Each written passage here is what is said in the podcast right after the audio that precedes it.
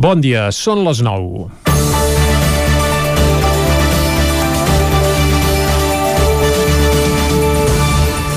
Ja tornem a ser en confinament comarcal. Aquest cap de setmana, per tant, ja no hi ha hagut aglomeracions al Coll Sacabra ni calien esperes de prop de dues hores per trobar taula en un restaurant al Ripollès.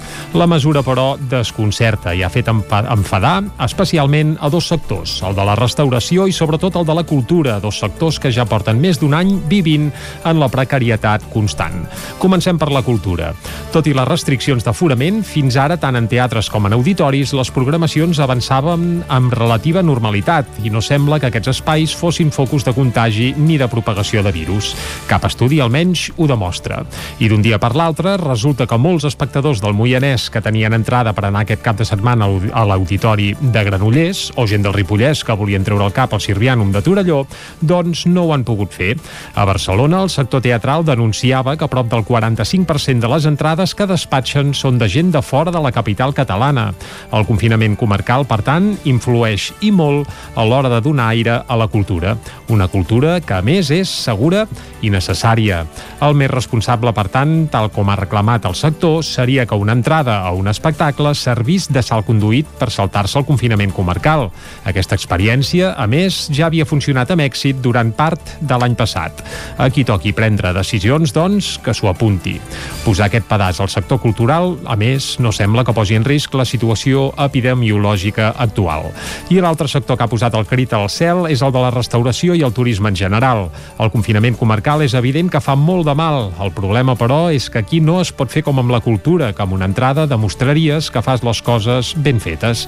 Durant la Setmana Santa, més, va ser fàcil veure gent passejant per la muntanya sense mascareta, amb aglomeracions i, a més, molt sovint amb grups que, més que bombolla, semblaven sortits d'una festa de l'escuma. I aquí sí que costa posar-ho tot a to.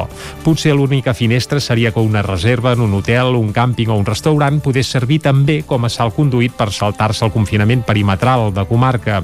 El cert, però, és que és complicat i que tots plegats ja en comencem a estar una mica farts. La tan citada fatiga pandèmica comença a deixar-se notar i l'única solució, tal com ha quedat demostrat a mig món, és la vaccinació massiva. Mentre no hi hagi més de la meitat de la població vacunada, ja podem anar fent invents que el risc ens continuarà assetjant. I com que ja fa un any que quan fem previsions a mig i llarg termini i l'acabem cagant, el millor és viure. Viure el dia amb l'esperança que, això sí, tot s'acaba, però no serà pas ni avui ni demà. El que no s'acaba, sinó que comença, és el Territori 17 d'avui, a la sintonia, com sempre, del nou FM, la veu de Sant Joan, Ràdio Cardedeu, Ona Codinenca i el nou TV. Territori 17, amb Vicenç Vigues i Jordi Sunyer. Són les 9 i 3 minuts del matí del dilluns dia 12 d'abril de 2021. Comença aquí un nou Territori 17 que, que vaja, com sempre, avui, durant la primera hora, us acostarà tota l'actualitat de les nostres comarques. Després, com que som dilluns, tindrem un programa marcat pels esports. Per què? Doncs perquè farem un repàs als resultats del cap de setmana als principals equips del nostre territori i, a més a més, acabarem fent tertúlia esportiva, avui sobretot centrada en el clàssic de dissabte, aquest eh, Real Madrid-Barça, que va acabar amb un 2 a 1 favorable als blancs. D'això en parlarem a la part final d'un programa on també hi haurà els solidaris amb l'Eloi Puigferrer, descobrirem algun racó de Catalunya i passarem, com sempre, per la R3. El que toca ara, però, és arrencar tot fent un repàs a l'actualitat de les nostres comarques, les comarques del Ripollès, Osona, el Moianès i el Vallès Oriental. La tornada al confinament comarcal ha castigat la restauració i també el sector hoteler d'Osona. Després d'una setmana santa amb l'ocupació pràcticament al 100%, han tingut una llau de cancel·lacions, tant per aquest com pels propers caps de setmana. La tornada al confinament perimetral comarcal ha provocat una llau de trucades per cancel·lar reserves aquest cap de setmana. Els hotels a Osona continuen oberts, però el pas enrere en les restriccions pel coronavirus s'ha deixat notar. Ho expliquen Marta Juglar, directora de l'Aprooms de Vic, i Jordi Dot, propietari propietari de l'hotel Estació del Nord, també de Vic. El que és el, el tema sobretot caps de setmana, doncs sí que hem tingut algunes anul·lacions. Entre mitja setmana no ho hem notat tant perquè gràcies a que la comarca doncs, té un gran teixit empresarial doncs nosaltres tenim molts clients que venen per empresa. O canvien de dia, per exemple, si tenien que vindre la, aquesta setmana, la setmana que ve, diuen vindré el maig, o, o, o cancel·lacions. Que no pot ser és que tinguem que pagar tot eh, igual, que, tinguem, que no hi hagin ajudes directes, eh, perquè, per exemple, aquest cap de setmana mateix nosaltres estem oberts però clar, hi ha confinament comarcal eh, això que estàs obert doncs, com si estiguessis tancat la pandèmia ha canviat el perfil de turistes que visiten Vic. Sense estrangers, quan el Procicat ha permès la mobilitat, els catalans han sigut els que han omplert totes les habitacions. Jordi Dot tot el francès, holandès que l'estiu passava de turista eh, aquest s'ha perdut totalment però s'ha guanyat eh, sobretot l'estiu passat el, el turista de Barcelona doncs, que inclús a Tarragona, de d'allà i de totes les comarques doncs que al voltar per aquí doncs, doncs hem tingut més turisme. Des dels hotels també demanen a l'Ajuntament de Vic que no se suspenguin activitats. Marta Juglar continuïn organitzant esdeveniments, tot i la situació actual, doncs la veritat és que s'agraeix molt perquè tot i que no es pot comparar amb una edició de fa dos anys però vaja, eh, sí que es nota doncs, que, hi, que hi ha més visitants i que hi ha una miqueta més d'activitat a, la, a la ciutat o a la comarca. Tot i poder tenir obert el fet de no poder servir sopars asseguren que els fa perdre clientela. El sector reclama que se'ls compensi amb ajudes econòmiques per poder subsistir a unes restriccions que de moment seran vigents fins al 19 d'abril. El risc de rebrot torna a pujar al Ripollès quan ja s'han vacunat un 23% dels habitants de la comarca. Isaac Muntades, des de la veu de Sant Joan. L'índex de risc de rebrot del Ripollès ha pujat més d'una cinquantena de punts en una setmana i segons les dades disponibles del Departament de Salut de la setmana de l'1 al 7 d'abril d'abril és de 319 punts. La RT també ha pujat força, tot i que encara es manté per sota de l'1, concretament a 0,98. En canvi, pel que fa als casos detectats per PCR o test d'antígens, només hi ha hagut un lleuger increment de 30 a 35, però amb una taxa de positivitat que s'acosta perillosament a l'11%, una xifra que és més del doble d'allò que es considera sota control. La bona notícia pel Ripollès és que l'àrea bàsica de salut de Ribes de Freser Can de Bànol ha estat un dels 22 centres d'atenció primària del país escollits com a exemple d'innovació per un estudi sobre la gestió sanitària i clínica feta al gener i febrer febrer d'enguany, el qual ha estat elaborat per la Societat de Gestió Sanitària, una comunitat científica formada per més de 500 professionals. Les innovacions més destacades de l'atenció primària de Ribes Can de Bànol, que tenen més de 5.000 persones, són el fet que la programació de visites ha portat més valor als consultoris perifèrics, la dotació de més prestacions als equips administratius que ha permès desburocratitzar el treball clínic, la creació d'un equip de suport per atendre les persones amb necessitats complexes i la introducció de la videoconsulta entre els professionals de l'atenció primària i el servei de traumatologia de l'hospital ha reduït la llista d'espera fins a la meitat. Les males notícies segueixen essent a l'Hospital de Can Davant, on no s'acaba de fer net de Covid-19 i encara hi ha 14 persones ingressades per culpa de la malaltia. N'hi ha 5 que estan hospitalitzades a l'àrea d'aguts amb la infecció activa i 9 a sociosanitari, recuperant-se dels efectes del coronavirus. Pel que fa a la vacunació, les dades són més positives perquè ja s'ha administrat la primera dosi del vaccí a gairebé el 23% de la població de la comarca, unes 5.709 persones, mentre que el 7% ja ha rebut la pauta completa de la vacuna. Des de l'inici de la pandèmia, al Ripollès s'han diagnosticat 2.405 casos de coronavirus. pessoas. Tres de cada quatre grups escolars d'Osona s'han hagut de confinar des de l'inici de curs per culpa de la Covid. Des que va començar el curs a Osona s'han aïllat un total de 1.313 grups per coronavirus. Tenint en compte que a la comarca n'hi ha 1.722, doncs 3 de cada 4 han estat confinats en algun moment i han hagut de fer classes telemàtiques des de casa.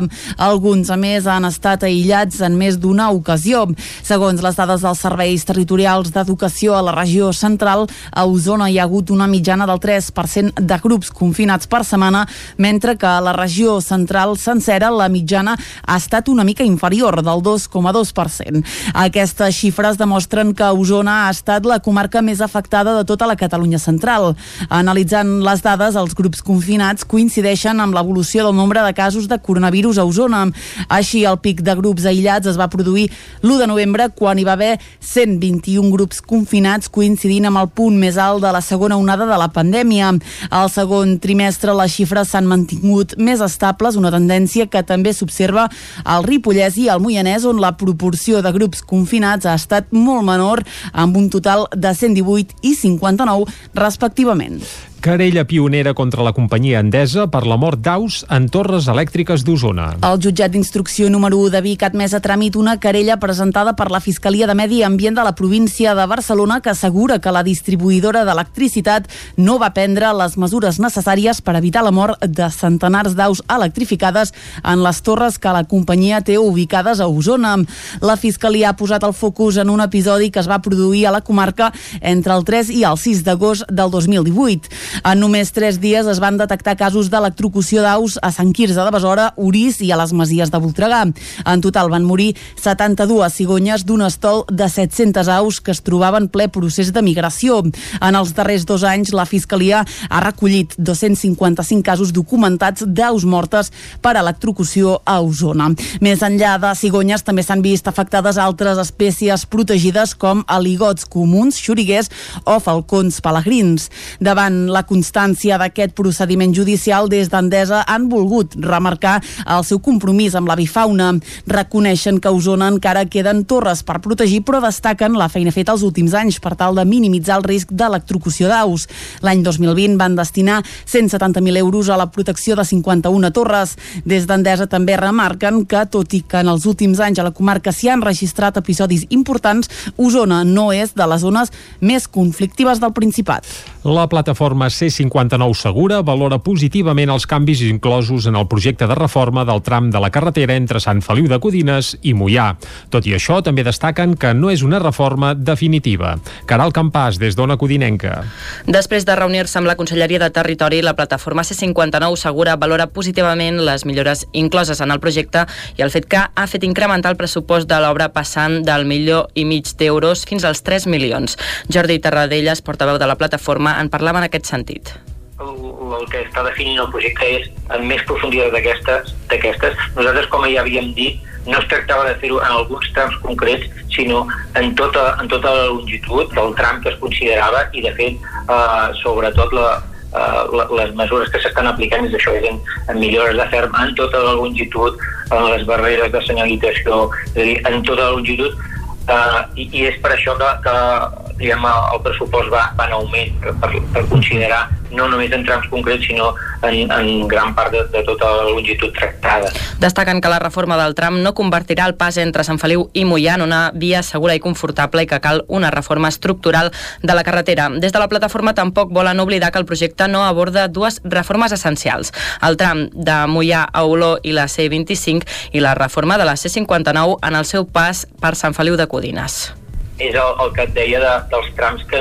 no estan considerats encara, és a dir, Mollà, Oló, la sí. de Sant Feliu de Codines, i per tant, en la continuïtat de la carretera C59, doncs sí, és, com deia, és un bon punt de partida fer un, un tram que quedi millorat, però continuarà passant el que hem, hem, hem, eh, hem denunciat que continua passant, no? que, que hi ha trams heterogenis, no? hi ha trams amb actuacions, amb uns criteris de, de, de circulació correctes, però de cop, sobtadament, arribes amb, amb una curva estreta, amb magues alt, amb maga de visibilitat. La plataforma ha acordat amb la Conselleria presentar a finals d'abril una valoració amb les mancances del projecte presentat per la Generalitat per tal de fer visible quines actuacions caldria afegir i veure si són viables per tal d'incloure's en aquest pla de reforma. Torelló posa en marxa una campanya per reduir els trastos que es deixen al costat dels contenidors. L'Ajuntament de Torelló vol acabar amb la imatge d'andròmines i deixalles abandonades al costat dels contenidors. És per això que en els 30 punts que es consideren més problemàtics s'hi han instal·lat cartells que recorden que deixar taules, mobles o electrodomèstics al costat dels contenidors pot comportar multes i que hi ha l'opció de portar els trastos a la deixalleria o utilitzar el servei de recollida a domicili. Ho explica Adrià Jaumira, regidor de Medi Ambient de l'Ajuntament de Torelló. No descartem posar-ne a altres zones, però de moment comencem aquests 30 punts més crítics. Per altra banda, també reforçarem la, la, la vigilància policial. Recordem que abandonar trastos a les zones de contenidors pot comportar sancions de fins a 750 euros. L'equip de govern de Torelló també es marca l'objectiu d'incrementar la recollida selectiva, que l'any passat va ser del 57% al municipi, per acostar-se a la mitjana d'Osona, que és del 65%. Per això, els contenidors també s'informa de quins residus van a cada recipient. Entre els objectius del mandat, precisament, hi ha estudiar i consensuar quin ha de ser el futur model de recollida de deixalles al municipi. Marcel Ortuño és l'alcalde de Torelló preparar propostes alternatives al, al sistema actual. Um, estem en un entorn de municipis que estan al porta a porta, um, molts municipis però d'un tamany diferent, que això és molt important a l'hora de, de gestionar aquest, aquest model de, de recollida.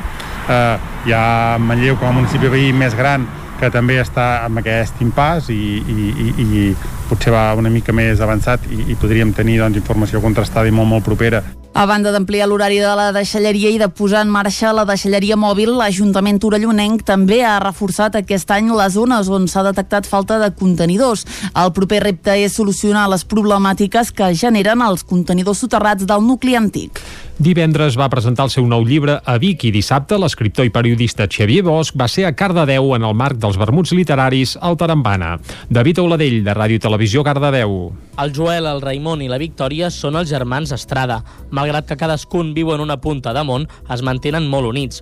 Una investigació periodística, però, ho posa tot en risc.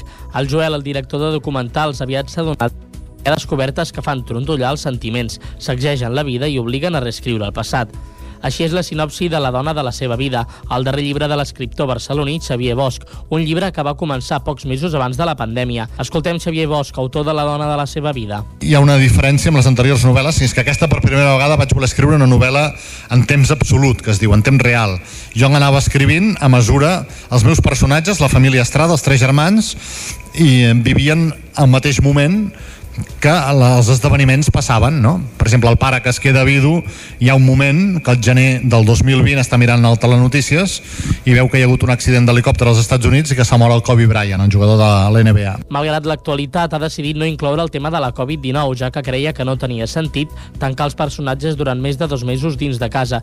I és per això que la història comença el novembre de 2018 i acaba el gener de 2020, quan pensàvem que la Covid era un virus que es quedaria a Wuhan. Després d'un 2020 sense Sant Jordi, la dona de la seva vida de Xavier Bosch surt a les llibreries pocs mesos abans d'un Sant Jordi encara incert. Xavier Bosch. El de menys serà si firmem o no firmem els autors. El de més serà que ens retrobarem amb roses, amb llibres, amb senyeres, eh, no ens abraçarem, però ens mirarem als ulls i sabrem que, que estem al final del túnel i que, que el pitjor any de la nostra vida està a punt de, a punt de passar. El 15 de maig tornarem a gaudir d'uns vermuts literaris al Tarambana de Cardedeu amb l'escriptora cardedeuenca Alba Dalmau. I fins aquí el butlletí informatiu que us hem ofert, com sempre, amb les veus de Clàudia Dinarès, David Auladell, Caral Campàs i Isaac Muntades. Ara el que toca és fer un cop d'ull al temps.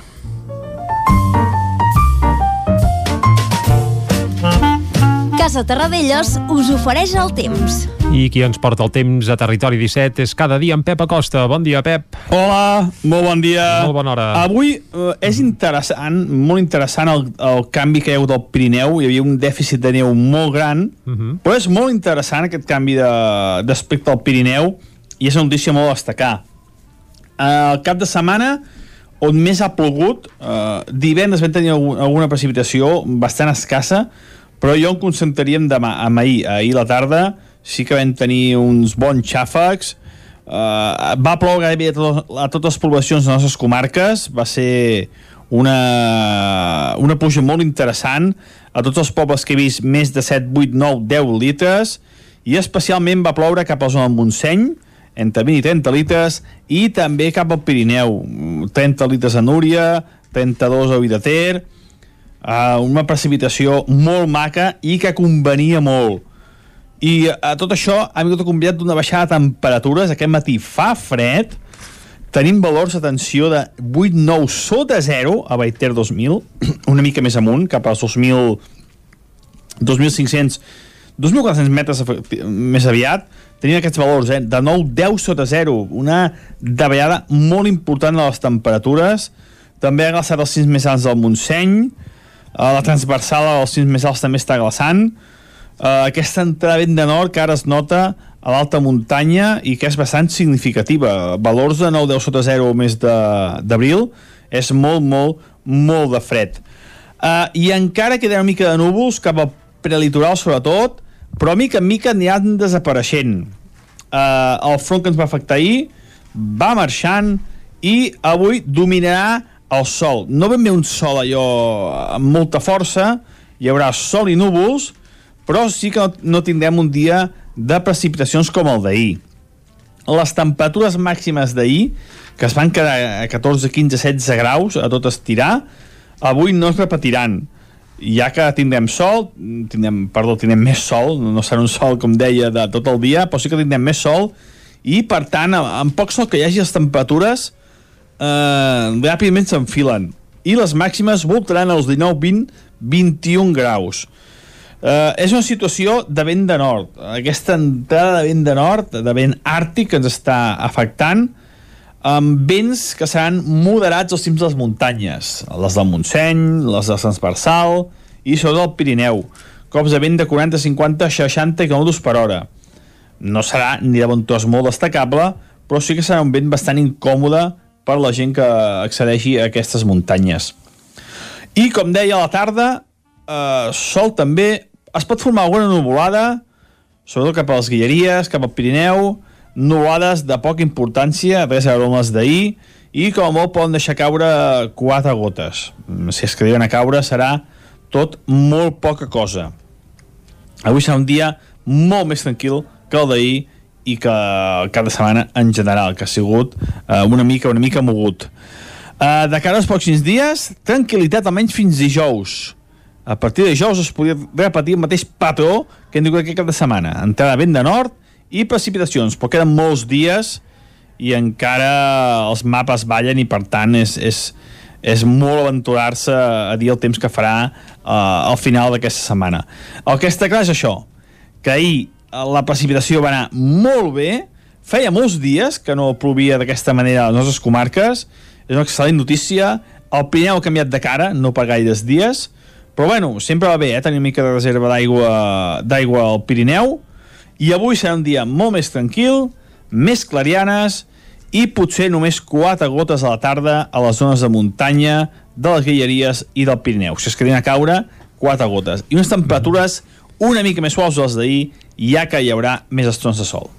Moltes gràcies, fins demà, adeu. Vinga, gràcies a tu, Pep. Nosaltres ara tanquem el tema meteorològic i anem cap al quiosc per saber què diuen les portades d'avui. Anem-hi. Casa Tarradellas us ha ofert aquest espai. Fem-ho ràpidament, saludant de nou a la Clàudia Dinarès, que avui començarà parlant de les portades del 9-9. Bon dia de nou, exactament. Bon Anem a l'edició d'Osona i el Ripollès, que diu societats de pescadors denuncien l'increment de furtius al riu Ter d'Osona. Voluntaris fan batudes per posar-hi fre. Els municipis de la Riera de Merlès estudien permetre-hi el bany aquest estiu. Albert Castells, regidor de l'Ajuntament de Vic, que diu la quantitat de residus que generem és insostenible. I a l'esports, victòria del Club Patí Manlleu amb el Tordera, que el manté líder, i la Costa a l'Hockey Lliga. El nombre de pacients a l'UCI de Vic s'ha doblat i ja supera el de les dues onades anteriors. Anem al Vallès Oriental, que diu el Vallès ha perdut més de la meitat de les seves terres de Conreu en 60 anys. Desnonada una parella en situació vulnerable a Sant Celoni, només una de cada cinc empreses té botiga en línia a la comarca i diu 40 anys de la travessia amb Espino de París a Lliçà d'Amunt. Molt bé, anem ara cap a les portades d'àmbit nacional. Anem al diuen? punt avui que diu UCI al límit, el nombre de malalts greus supera el llindar 500 i cal desprogramar proves. Tots els indicadors empitjoren i es comença a notar l'efecte de Setmana Santa. A la imatge, excursionisme de ciutat pel confinament comarcal i alerta als suïcidis a les presons gairebé es doblen en només un any. Anem a l'ara que diu la vacunació ja ha evitat un 60% de morts per Covid. Lleida espera fins a 35.000 temporers amb els hospitals al límit i sense vacunació del sector. A la imatge quedar-se per canviar el Senegal i un jutjat esborra Toni Cantó de la llista d'Ayuso. Anem al periòdico que diu els científics demanen més control del contagi del virus per l'aire. A la imatge que veiem és de Salvador Illa, candidat del PSC, que diu facilitar un govern d'esquerra en minoria no ha guanyat les eleccions. L'ultradreta, canviem de tema, de Le Pen agafa força entre els joves francesos i a l'avantguàrdia la quarta onada arriba amb UCIs al límit i menys morts gràcies a la vacuna. Les dues setmanes vinents es consideren crucials per l'evolució de la pandèmia a Catalunya. A la imatge que hi veiem, doncs, la fàbrica de Pfizer a Bèlgica, a l'avantguàrdia en parlen com la fàbrica dels miracles. I un jutge, com dèiem, exclou Toni Cantó de la llista de dies Ayuso pel 4M. Més portades. Anem ara cap a Madrid. Anem al país que diu Espanya es planta davant de la Unió Europea en defensa de les seves reformes clau. A la imatge, un batalló de nens eh, contra el narco, diu una comunitat indígena mexicana pobra i aïllada fa desfilar en aquests nens petits. I com veiem fa un moment, Sánchez i Díaz acorden blindar la coalició tot, eh, passi el que passi, perdoneu, al 4M. Anem al Mundo que entrevista Alfonso Fernández Mañueco, és el president de la Junta de Castella i Lleó, que diu convertir les eleccions de Madrid en unes generals és un error. A la imatge, la justícia parta cantó, però Ayuso recorrirà al Constitucional. Anem acabant, anem a la Razón, que també obre amb una imatge de Toni Cantó, actor i exdiputat de Ciutadans, diu el PSOE, eh, s'ha retratat amb aquesta artimanya. Res funciona contra Ayuso. Són declaracions de Cantó. A la portada també hi diu que les autonomies retarden la segona dosi de les vacunes i que Ciutadans aguanta i seria decisiu per la majoria absoluta de PP i de Vox. I com sempre acabem amb l'ADC que diu la justícia borra Cantó i Conde de les llistes del PP pel 4M. Els populars recorreran davant del Tribunal Constitucional la decisió judicial de revocar el vistiplau que havia donat ja la Junta Electoral Provincial. Un últim titular i acabem gairebé 90.000 votants de Sánchez a les generals es passen ara a votar Ayuso. Carai, això a Madrid, evidentment. Doncs moltes gràcies, Clàudia. Fins ara. Doncs tanquem aquí el bloc informatiu. De seguida el que farem és una pausa.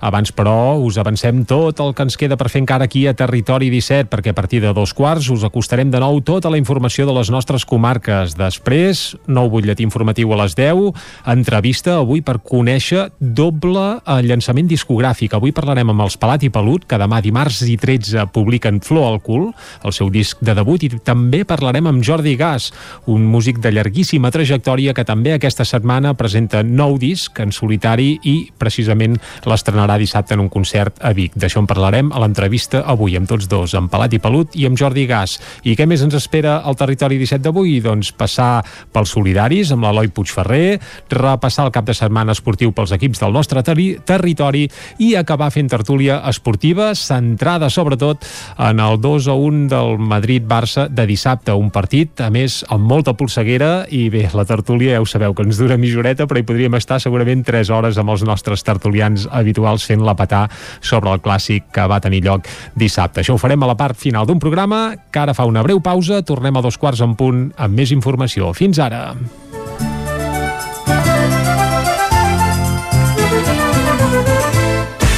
El nou FM, la ràdio de casa, al 92.8.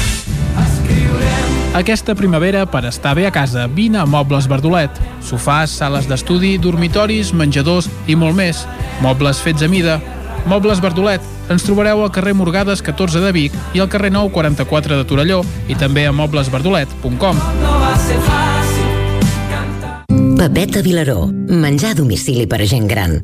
Menús saludables i adaptats segons les seves necessitats. Per viure més temps a casa amb millor salut i qualitat de vida. Informa-te'n al 931 31 71 81 o a pepetavilaró.cat. Pepeta Vilaró. La salut i el benestar dels nostres avis comença per cuidar el que mengen. Vols gaudir d'un bon arròs a casa sense no haver d'embrutar ni preocupar-te per res? La Fogonera, paelles per emportar. Un seguit de paelles, tapes, platets i postres casolans pensats per a paladars exigents. Ara més, fem menús per a petits grups de comensals. La Fogonera, la rosseria de paelles per emportar a GURB i que també et portem a casa. Telèfon 93 851 55 75 i a lafogonera.cat. I quan cau la nit, Pupurri Culinari, solucions per sopar les nits de divendres i dissabte. Entra a pupurriculinari.cat i tria.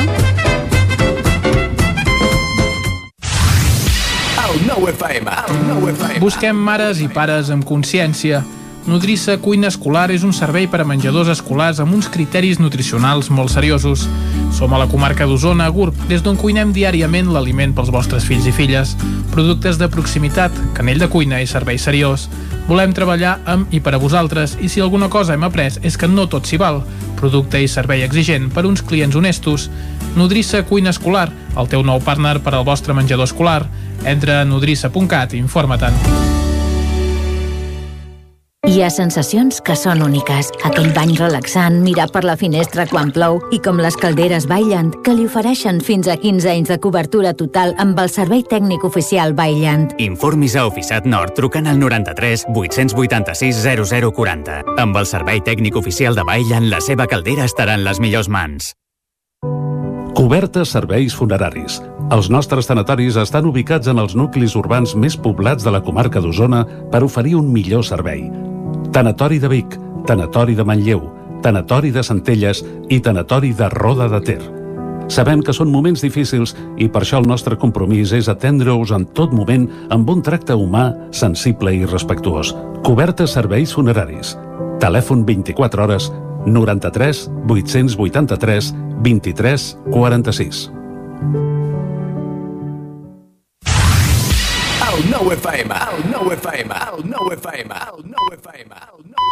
Territori 17, amb Vicenç Vigues i Jordi Sunyer.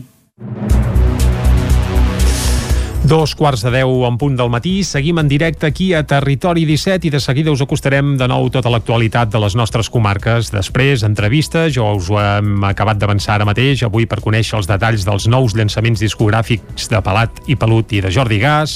També repassarem com els ha anat el cap de setmana esportivament parlant els equips del nostre territori. Tindrem els solidaris amb Eloi Puigferrer i acabarem fent tertúlia esportiva amb els nostres tertulians habituals. Ara el que toca, però, és acostar-vos de nou l'actualitat de les nostres comarques, les comarques del Ripollès, Osona, el Moianès i el Vallès Oriental. La tornada al confinament comarcal ha castigat la restauració i també el sector hoteler d'Osona. Després d'una setmana santa amb l'ocupació pràcticament al 100%, han tingut una llau de cancel·lacions, tant per aquest com pels propers caps de setmana. La tornada al confinament perimetral comarcal ha provocat una llau de trucades per cancel·lar reserves aquest cap de setmana. Els hotels a Osona continuen oberts, però el pas enrere en les restriccions pel coronavirus s'ha deixat notar. Ho expliquen Marta Juglar, directora de l'App Rooms de Vic, i Jordi Dot, propietari de l'hotel Estació del Nord, també de Vic. El que és el, el tema sobretot caps de setmana doncs sí que hem tingut algunes anul·lacions entre mitja setmana no ho hem notat tant perquè gràcies a que la comarca doncs, té un gran teixit empresarial doncs nosaltres tenim molts clients que venen per empresa o canvien de dia per exemple si tenien que vindre la, aquesta setmana la setmana que ve et diuen vindré el maig o, o, o cancel·lacions que no pot ser és que tinguem que pagar tot eh, igual, que tinguem que no hi hagin ajudes directes eh, perquè per exemple aquest cap de setmana mateix nosaltres estem oberts però clar, hi ha confinament comarcal eh, això quasi estàs obert és com si estiguessis tancat La pandèmia ha canviat el perfil de turistes que visiten Vic. Sense estrangers, quan el Procicat ha permès la mobilitat, els catalans han sigut els que han omplert totes les habitacions. Jordi Dot tot el francès, holandès que l'estiu passava de turista eh, aquest s'ha perdut totalment però s'ha guanyat eh, sobretot l'estiu passat el, el turista de Barcelona doncs que inclús de Tarragona, de d'allà i de totes les comarques doncs que al voltar per aquí doncs, doncs hem tingut més turisme. Des dels hotels també demanen a l'Ajuntament de Vic que no se suspenguin activitats. Marta Juglar continuïn organitzant esdeveniments, tot i la situació actual, doncs la veritat és que s'agraeix molt, perquè tot i que no es pot comparar amb una edició de fa dos anys, però vaja, eh, sí que es nota doncs, que, hi, que hi ha més visitants i que hi ha una miqueta més d'activitat a, la, a la ciutat o a la comarca. Tot i poder tenir obert, el fet de no poder servir sopars asseguren que els fa perdre clientela. El sector reclama que se'ls compensi amb ajudes econòmiques per poder subsistir a unes restriccions que de moment seran vigents fins al 19 d'abril. El risc de rebrot torna a pujar al Ripollès quan ja s'han vacunat un 23% dels habitants de la comarca. Isaac Muntades, des de la veu de Sant Joan. L'índex de risc de rebrot del Ripollès ha pujat més d'una cinquantena de punts en una setmana i segons les dades disponibles del Departament de Salut de la setmana de l'1 al 7 d'abril és de 319 punts. La RT també ha pujat força, tot i que encara es manté per sota de l'1, concretament a 0,98. En canvi, pel que fa als casos detectats per PCR o test d'antígens, només hi ha hagut un lleuger increment de 30 a 35, però amb una taxa de positivitat que s'acosta perillosament a l'11%, una xifra que és més del doble d'allò que es considera sota control. La bona notícia pel Ripollès és que l'àrea bàsica de salut de Ribes de Freser de Bànol ha estat un dels 22 centres d'atenció primària del país escollits com a exemple d'innovació per un estudi sobre la gestió sanitària i clínica feta al gener i febrer d'enguany, el qual ha estat elaborat per la Societat de Gestió Sanitària, una comunitat científica formada per més de 500 professionals. Les innovacions més destacades de l'atenció primària de Ribes Can de Bànol, que tenen més de 5.000 persones, són el fet que la programació de visites ha portat més valor als consultoris perifèrics, la dotació de més prestacions als equips administratius que ha permès desburocratitzar el treball clínic, la creació d'un equip de suport per atendre les persones amb necessitats complexes i la introducció de la videoconsulta entre els professionals de l'atenció primària i el servei de traumatologia de l'hospital ha reduït la llista d'espera fins a la meitat. Les males notícies segueixen essent a l'Hospital de Can Davant, on no s'acaba de fer net de Covid-19 i encara hi ha 14 persones ingressades per culpa de la malaltia. N'hi ha 5 que estan hospitalitzades a l'àrea d'aguts amb la infecció activa i 9 a sociosanitari, recuperant-se dels efectes del coronavirus. Pel que fa a la vacunació, les dades són més positives perquè ja s'ha administrat la primera dosi del vaccí a gairebé el 23% de la població de la comarca, unes 5.709 persones, mentre que el 7% ja ha rebut la pauta completa de la vacuna. Des de l'inici de la pandèmia, al Ripollès s'han diagnosticat 2.405 casos de coronavirus. Tres de cada quatre grups escolars d'Osona s'han hagut de confinar des de l'inici de curs per culpa de la Covid. Des que va començar el curs a Osona s'han aïllat un total de 1.313 grups per coronavirus. Tenint en compte que a la comarca n'hi ha 1.722, doncs 3 de cada 4 han estat confinats en algun moment i han hagut de fer classes telemàtiques des de casa. Alguns, a més, han estat aïllats en més d'una ocasió. Segons les dades dels serveis territorials d'educació a la regió central, a Osona hi ha hagut una mitjana del 3% de grups confinats per setmana, mentre que a la regió central sencera la mitjana ha estat una mica inferior, del 2,2%. Aquestes xifres demostren que Osona ha estat la comarca més afectada de tota la Catalunya central. Analitzant les dades, els grups confinats coincideixen amb l'evolució del nombre de casos de coronavirus a Osona. Així, el pic de grups aïllats es va produir l'1 de novembre, quan hi va haver 121 grups confinats, coincidint amb el punt més alt de la segona onada de la pandèmia. Al segon trimestre, les xifres s'han mantingut més estables, una tendència que també s'observa al Ripollès i al Moianès, on la proporció de grups confinats ha estat molt menor, amb un total de 118 i 59, respectivament.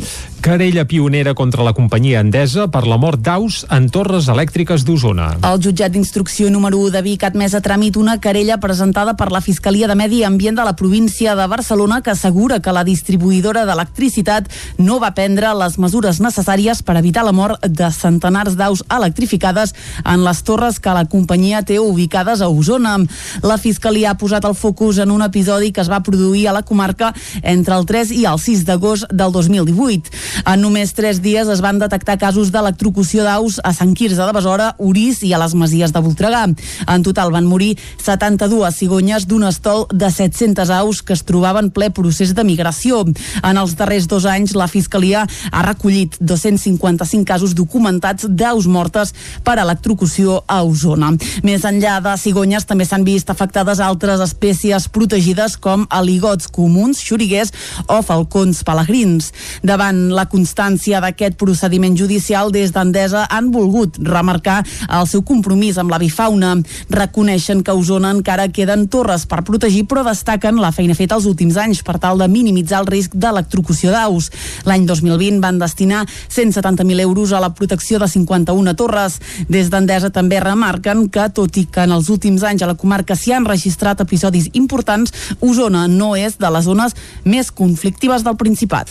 La plataforma C59 Segura valora positivament els canvis inclosos en el projecte de reforma del tram de la carretera entre Sant Feliu de Codines i Mollà.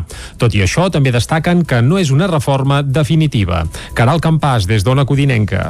Després de reunir-se amb la Conselleria de Territori, la plataforma C59 Segura valora positivament les millores incloses en el projecte i el fet que ha fet incrementar el pressupost de l'obra passant del milió i mig d'euros fins als 3 milions. Jordi Terradellas, portaveu de la plataforma, en parlava en aquest sentit el, el que està definint el projecte és en més profunditat d'aquestes. d'aquestes. Nosaltres, com ja havíem dit, no es tractava de fer-ho en alguns trams concrets, sinó en tota, en tota la longitud del tram que es considerava i, de fet, eh, sobretot la, uh, les mesures que s'estan aplicant és això, és en, en millores de ferm en tota la longitud, en les barreres de senyalització, és a dir, en tota la longitud, uh, i, i és per això que, que diguem, el pressupost va, va en augment per, per considerar no només en trams concrets, sinó en, en gran part de, de tota la longitud tractada.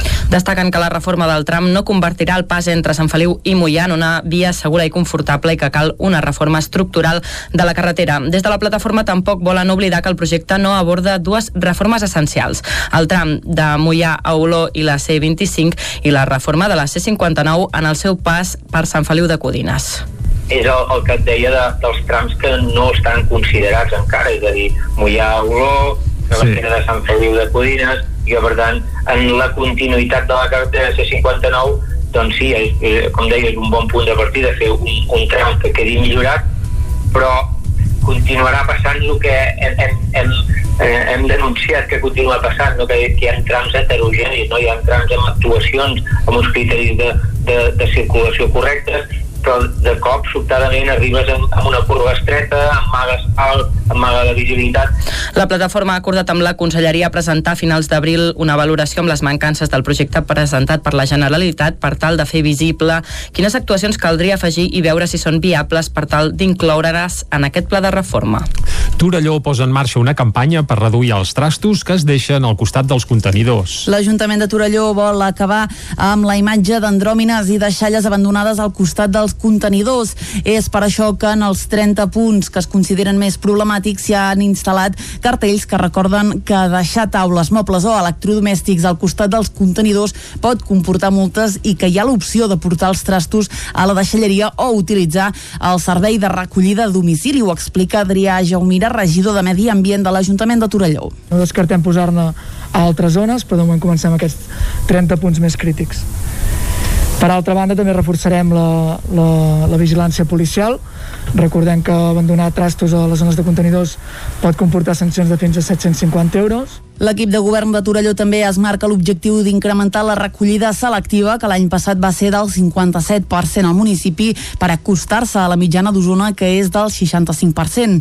Per això, als contenidors també s'informa de quins residus van a cada recipient. Entre els objectius del mandat, precisament, hi ha estudiar i consensuar quin ha de ser el futur model de recollida de deixalles al municipi. Marcel Ortuño és l'alcalde de Torelló preparar propostes alternatives al, al sistema actual.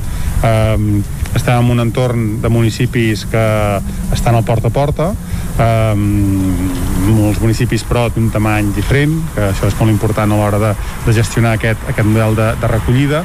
Uh, hi ha Manlleu com a municipi veí més gran que també està amb aquest impàs i, i, i, i potser va una mica més avançat i, i podríem tenir doncs, informació contrastada i molt, molt propera a banda d'ampliar l'horari de la deixalleria i de posar en marxa la deixalleria mòbil, l'Ajuntament Torellonenc també ha reforçat aquest any les zones on s'ha detectat falta de contenidors. El proper repte és solucionar les problemàtiques que generen els contenidors soterrats del nucli antic.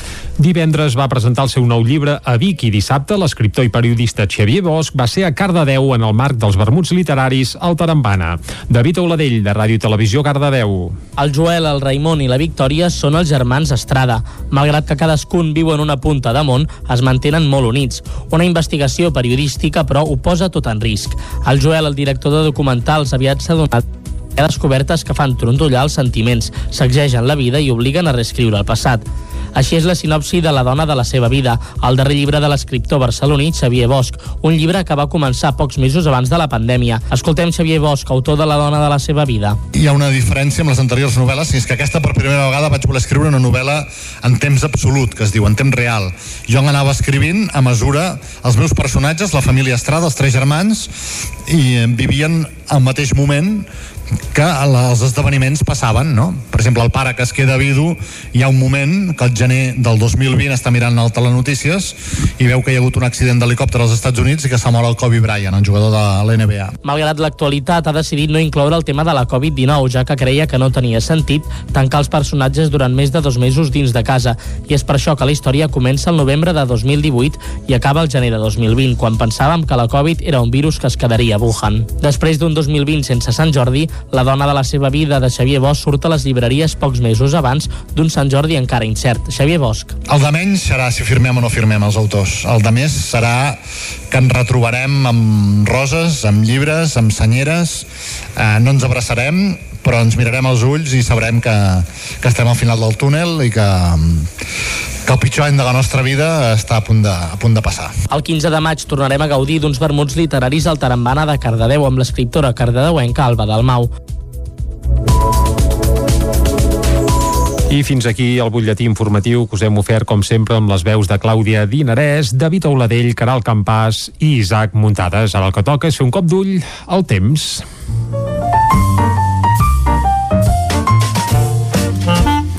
Casa Terradellos us ofereix el temps. I qui ens porta el temps a Territori 17 és cada dia en Pep Acosta. Bon dia, Pep. Hola, molt bon dia. Molt bona hora. Avui eh, és interessant, molt interessant el, el canvi que hi ha hagut al Pirineu. Hi havia un dèficit de neu molt gran, uh Mhm. -huh. però és molt interessant aquest canvi de- d'aspecte al Pirineu i és una notícia molt a destacar. Eh, el cap de setmana on més ha plogut, eh, divendres vam tenir algun, alguna precipitació bastant escassa, però jo em concentraríem demà, amb ahir, ahir la tarda, sí que vam tenir uns bons xàfecs, uh, va ploure gairebé a, tot, a totes les poblacions de les nostres comarques, va ser una, una pluja molt interessant, a tots els pobles que he vist més de 7, 8, 9, 10 litres, i especialment va ploure cap a la zona del Montseny, entre 20 i 30 litres, i també cap al Pirineu, 30 litres a Núria, 32 a Vidater, uh, una precipitació molt maca i que convenia molt. I a tot això ha vingut acompanyat d'una baixada de temperatures. Aquest matí fa fred, tenim valors, atenció, de 8-9 sota 0 a Baiter 2000, una mica més amunt, cap als 2.000 2.500 2.400 metres més aviat tenim aquests valors, eh? de nou 10 sota 0 una davallada molt important de les temperatures també ha glaçat els cims més alts del Montseny a la transversal als cims més alts també està glaçant. Uh, aquesta entrada vent de nord que ara es nota a l'alta muntanya i que és bastant significativa. Valors de 9-10 sota 0 o més d'abril. És molt, molt, molt de fred. Uh, i encara queda una mica de núvols cap al prelitoral sobretot però mica en mica aniran desapareixent. Uh, el front que ens va afectar ahir va marxant i avui dominarà el sol. No ben bé un sol allò amb molta força hi haurà sol i núvols però sí que no, tindrem un dia de precipitacions com el d'ahir. Les temperatures màximes d'ahir que es van quedar a 14, 15, 16 graus a tot estirar avui no es repetiran. Ja que tindrem sol, tindrem, perdó, tindrem més sol, no serà un sol, com deia, de tot el dia, però sí que tindrem més sol, i, per tant, amb poc sol que hi hagi, les temperatures eh, ràpidament s'enfilen. I les màximes voltaran als 19, 20, 21 graus. Eh, és una situació de vent de nord. Aquesta entrada de vent de nord, de vent àrtic, que ens està afectant, amb vents que seran moderats als cims de les muntanyes, les del Montseny, les de Transversal i sobretot el Pirineu. Cops de vent de 40, 50, 60 km per hora. No serà ni de bon tros molt destacable, però sí que serà un vent bastant incòmode per la gent que accedeixi a aquestes muntanyes. I com deia a la tarda, eh, sol també, es pot formar alguna nuvolada, sobretot cap a les Guilleries, cap al Pirineu, nuvolades de poca importància, a veure amb les d'ahir, i com a molt poden deixar caure quatre gotes. Si es que diuen a caure serà tot molt poca cosa. Avui serà un dia molt més tranquil que el d'ahir i que el cap de setmana en general, que ha sigut eh, una mica una mica mogut. Eh, de cara als pròxims dies, tranquil·litat almenys fins dijous. A partir de dijous es podria repetir el mateix patró que hem tingut aquest cap de setmana. Entrada vent de nord i precipitacions, però queden molts dies i encara els mapes ballen i per tant és, és, és molt aventurar-se a dir el temps que farà uh, al final d'aquesta setmana. El que està clar és això, que ahir la precipitació va anar molt bé, feia molts dies que no plovia d'aquesta manera a les nostres comarques, és una excel·lent notícia, el Pirineu ha canviat de cara, no per gaires dies, però bueno, sempre va bé eh, tenir una mica de reserva d'aigua d'aigua al Pirineu, i avui serà un dia molt més tranquil, més clarianes i potser només 4 gotes a la tarda a les zones de muntanya, de les Guilleries i del Pirineu. Si es quedin a caure, 4 gotes. I unes temperatures una mica més suaus dels d'ahir, ja que hi haurà més estrons de sol. Moltes gràcies, fins demà, adeu. Vinga, gràcies a tu, Pep. Nosaltres ara tanquem el tema meteorològic i anem cap al quiosc per saber què diuen les portades d'avui. Anem-hi. Casa Tarradellas us ha ofert aquest espai. Fem-ho ràpidament, saludant de nou a la Clàudia Dinarès, que avui començarà parlant de les portades del 9-9. que Bon dia de nou, exactament. Bon dia. Anem a l'edició d'Osona i el Ripollès que diu societats de pescadors denuncien l'increment de furtius al riu Ter d'Osona. Voluntaris fan batudes per posar-hi fre.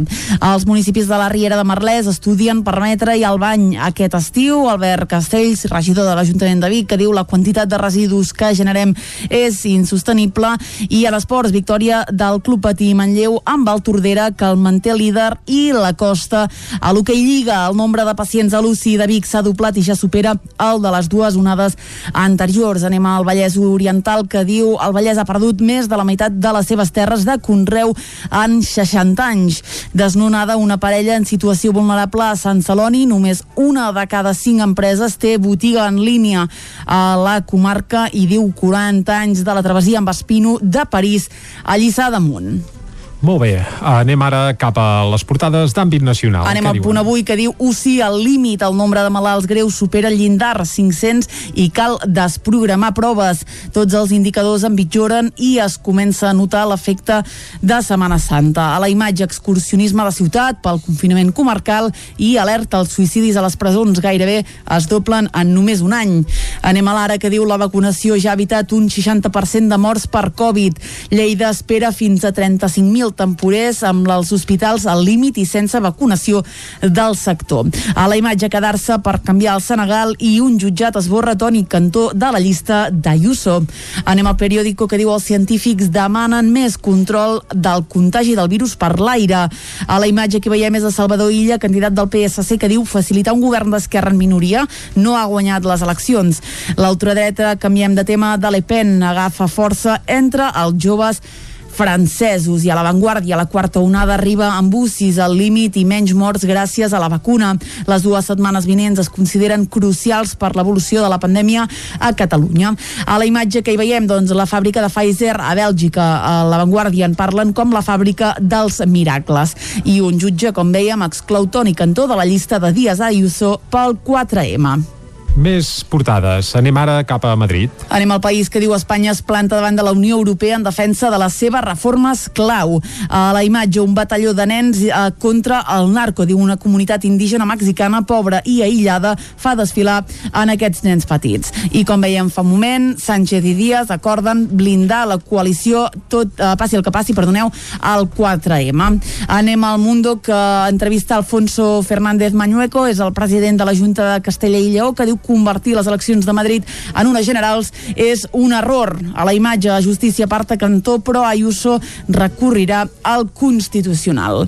Anem a acabant, anem a la Razón, que també obre amb una imatge de Toni Cantó, actor i exdiputat de Ciutadans, diu el PSOE, eh, s'ha retratat amb aquesta artimanya. Res funciona contra Ayuso. Són declaracions de Cantó. A la portada també hi diu que les autonomies retarden la segona dosi de les vacunes i que Ciutadans aguanta i seria decisiu per la majoria absoluta de PP i de Vox. I com sempre acabem amb l'ABC que diu la justícia borra Cantó i Conde de les llistes del PP pel 4M.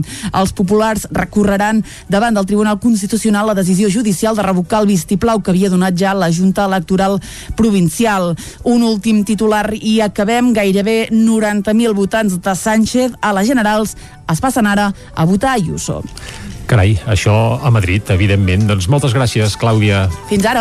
Doncs ja veiem, ja veiem que la premsa, sobretot eh, la que s'edita des de l'estat espanyol, està més centrada en aquests comicis a la Comunitat de Madrid que no pas en el seguiment de les darreres novetats del coronavirus i també d'altres qüestions. Però bé, eh, és el que té, aquestes eleccions que s'han de fer a la Comunitat de Madrid que sembla que s'extrapolaran eh, en l'àmbit estatal. És evident que l'efecte hi és molt directe i més tenint en compte com s'ha gestionat la pandèmia a la Comunitat de Madrid, a les ordres d'Isabel eh, Díaz Ayuso, on moltes de les restriccions que hi ha vigents encara d'altres punts de l'Estat, doncs allí no hi són.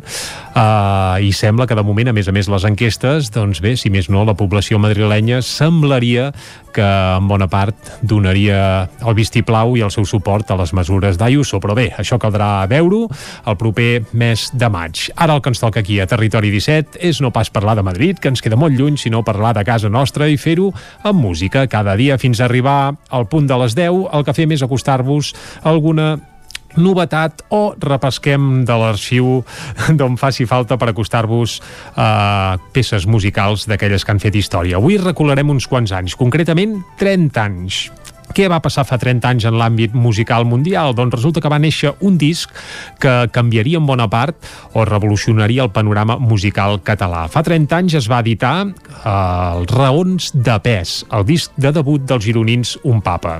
Era una època en què es començava a parlar de rock català, però la gran majoria de grups d'aquest segell, o diguem-li com vulguem, home, doncs eren bandes que feien pop-rock, eh, basant-se en el pop-rock de tota la vida, dels 70, principis dels 80, i feien una mica, entre cometes, el que podien, alguns amb més fortuna que d'altres. Però de cop va aparèixer un papa un grup eh, bé, amb una posada en escena brutal, amb un líder supercarismàtic que era i és l'Adrià Puntí i amb unes cançons que fugien d'aquell esperit que, que bé, que agermanava la majoria de bandes que formaven part d'aquest moviment.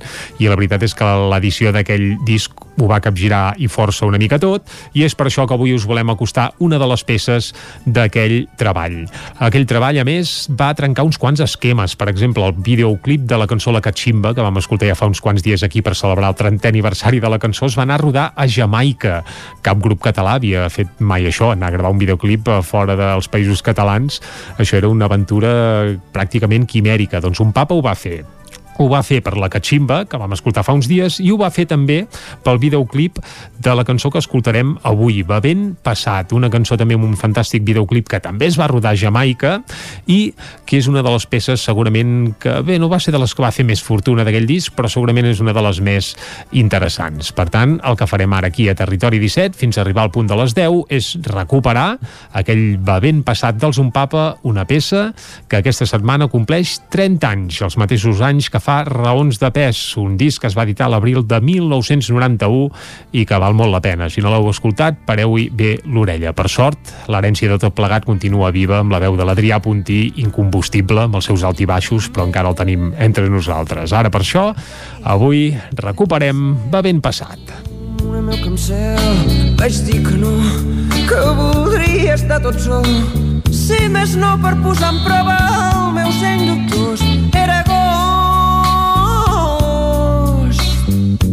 Un bon temps per anar buscant.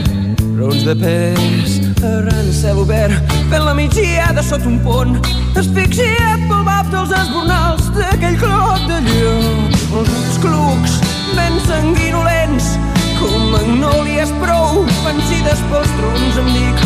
L'hauran fet les lleis certs innocents traginen trucs firmant xecs morts amb falsetats i trets. Doncs si més no tot un resquitx de vent entre el mer i el far ben perdut vaig decidir emploirar aquella pols de farlopa per sort per acabar ignorant. Ben sec damunt l'herba d'aquell prat tan operós escatimant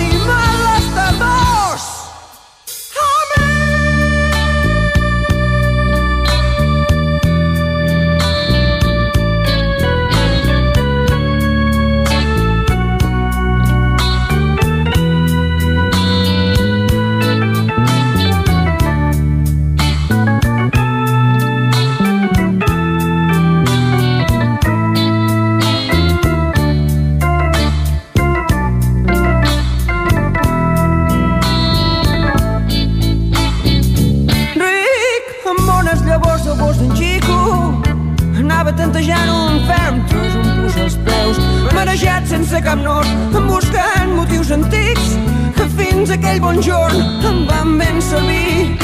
Era agost una nit d'estiu on diuen que tot a cuca viu nafrat sense ni cinc sense cap rubí d'encís. Ballo descalç un però els ulls clucs ben sanguinoents com magnòlies prou vencides pels troncs em dic llauren per les lleis, certs innocents traginant trus, firmant xecs, morts, amb falsetats i trets. Doncs si més no, sota un resquit de vent, entre mer i el far, ben perdut, vaig decidir empairar aquella pols de perlopa per sort, per acabar ignorant. Ben sec, de molerba, d'aquell prat, tan un penós escatint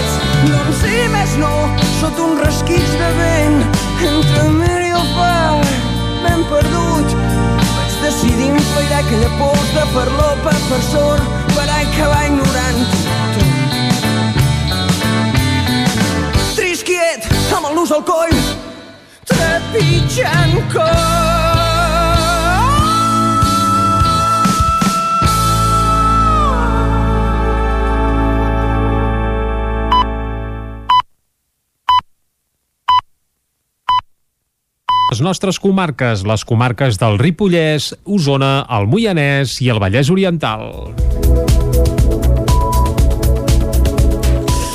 Un estudi fet per metges de l'atenció primària i de l'Hospital Universitari de Vic conclou que en les últimes dues dècades els nivells de colesterol en sang entre la població d'Osona han baixat. Entre els anys 2001 i 2018, els nivells de colesterol en sang a la població d'Osona han baixat un 8% en el cas dels homes i un 5% en el de les dones.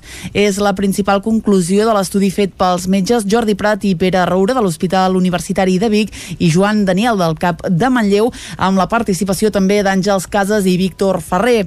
Aquesta evolució a la baixa va sorprendre els autors de l'estudi que atribueixen la reducció a la millora dels hàbits de salut. Escoltem per aquest ordre a Joan Daniel, metge al cap de Manlleu i cap d'estudis de la unitat docent d'AFIC Catalunya Central i a Jordi Prat, metge especialista en laboratori clínic de l'Hospital Universitari de Vic. Pensant en que probablement eh, pujarien les xifres, el que ens vam trobar és que va ser al revés, és a dir, que les xifres de colesterol durant aquest període de temps han anat baixant. Metges de l'atenció primària que han, eh, que han agafat aquest problema de la eh, dislipèmia i hipercolesterolèmia com, com un problema important i l'empoderament del pacient versus aquest, aquest problema. Aquestes són les dues causes principals. Tot i els bons resultats, l'anàlisi constata que el colesterol continua sent alt, sobretot en dones de 51 a 80 anys i en homes de 41 a 60 anys.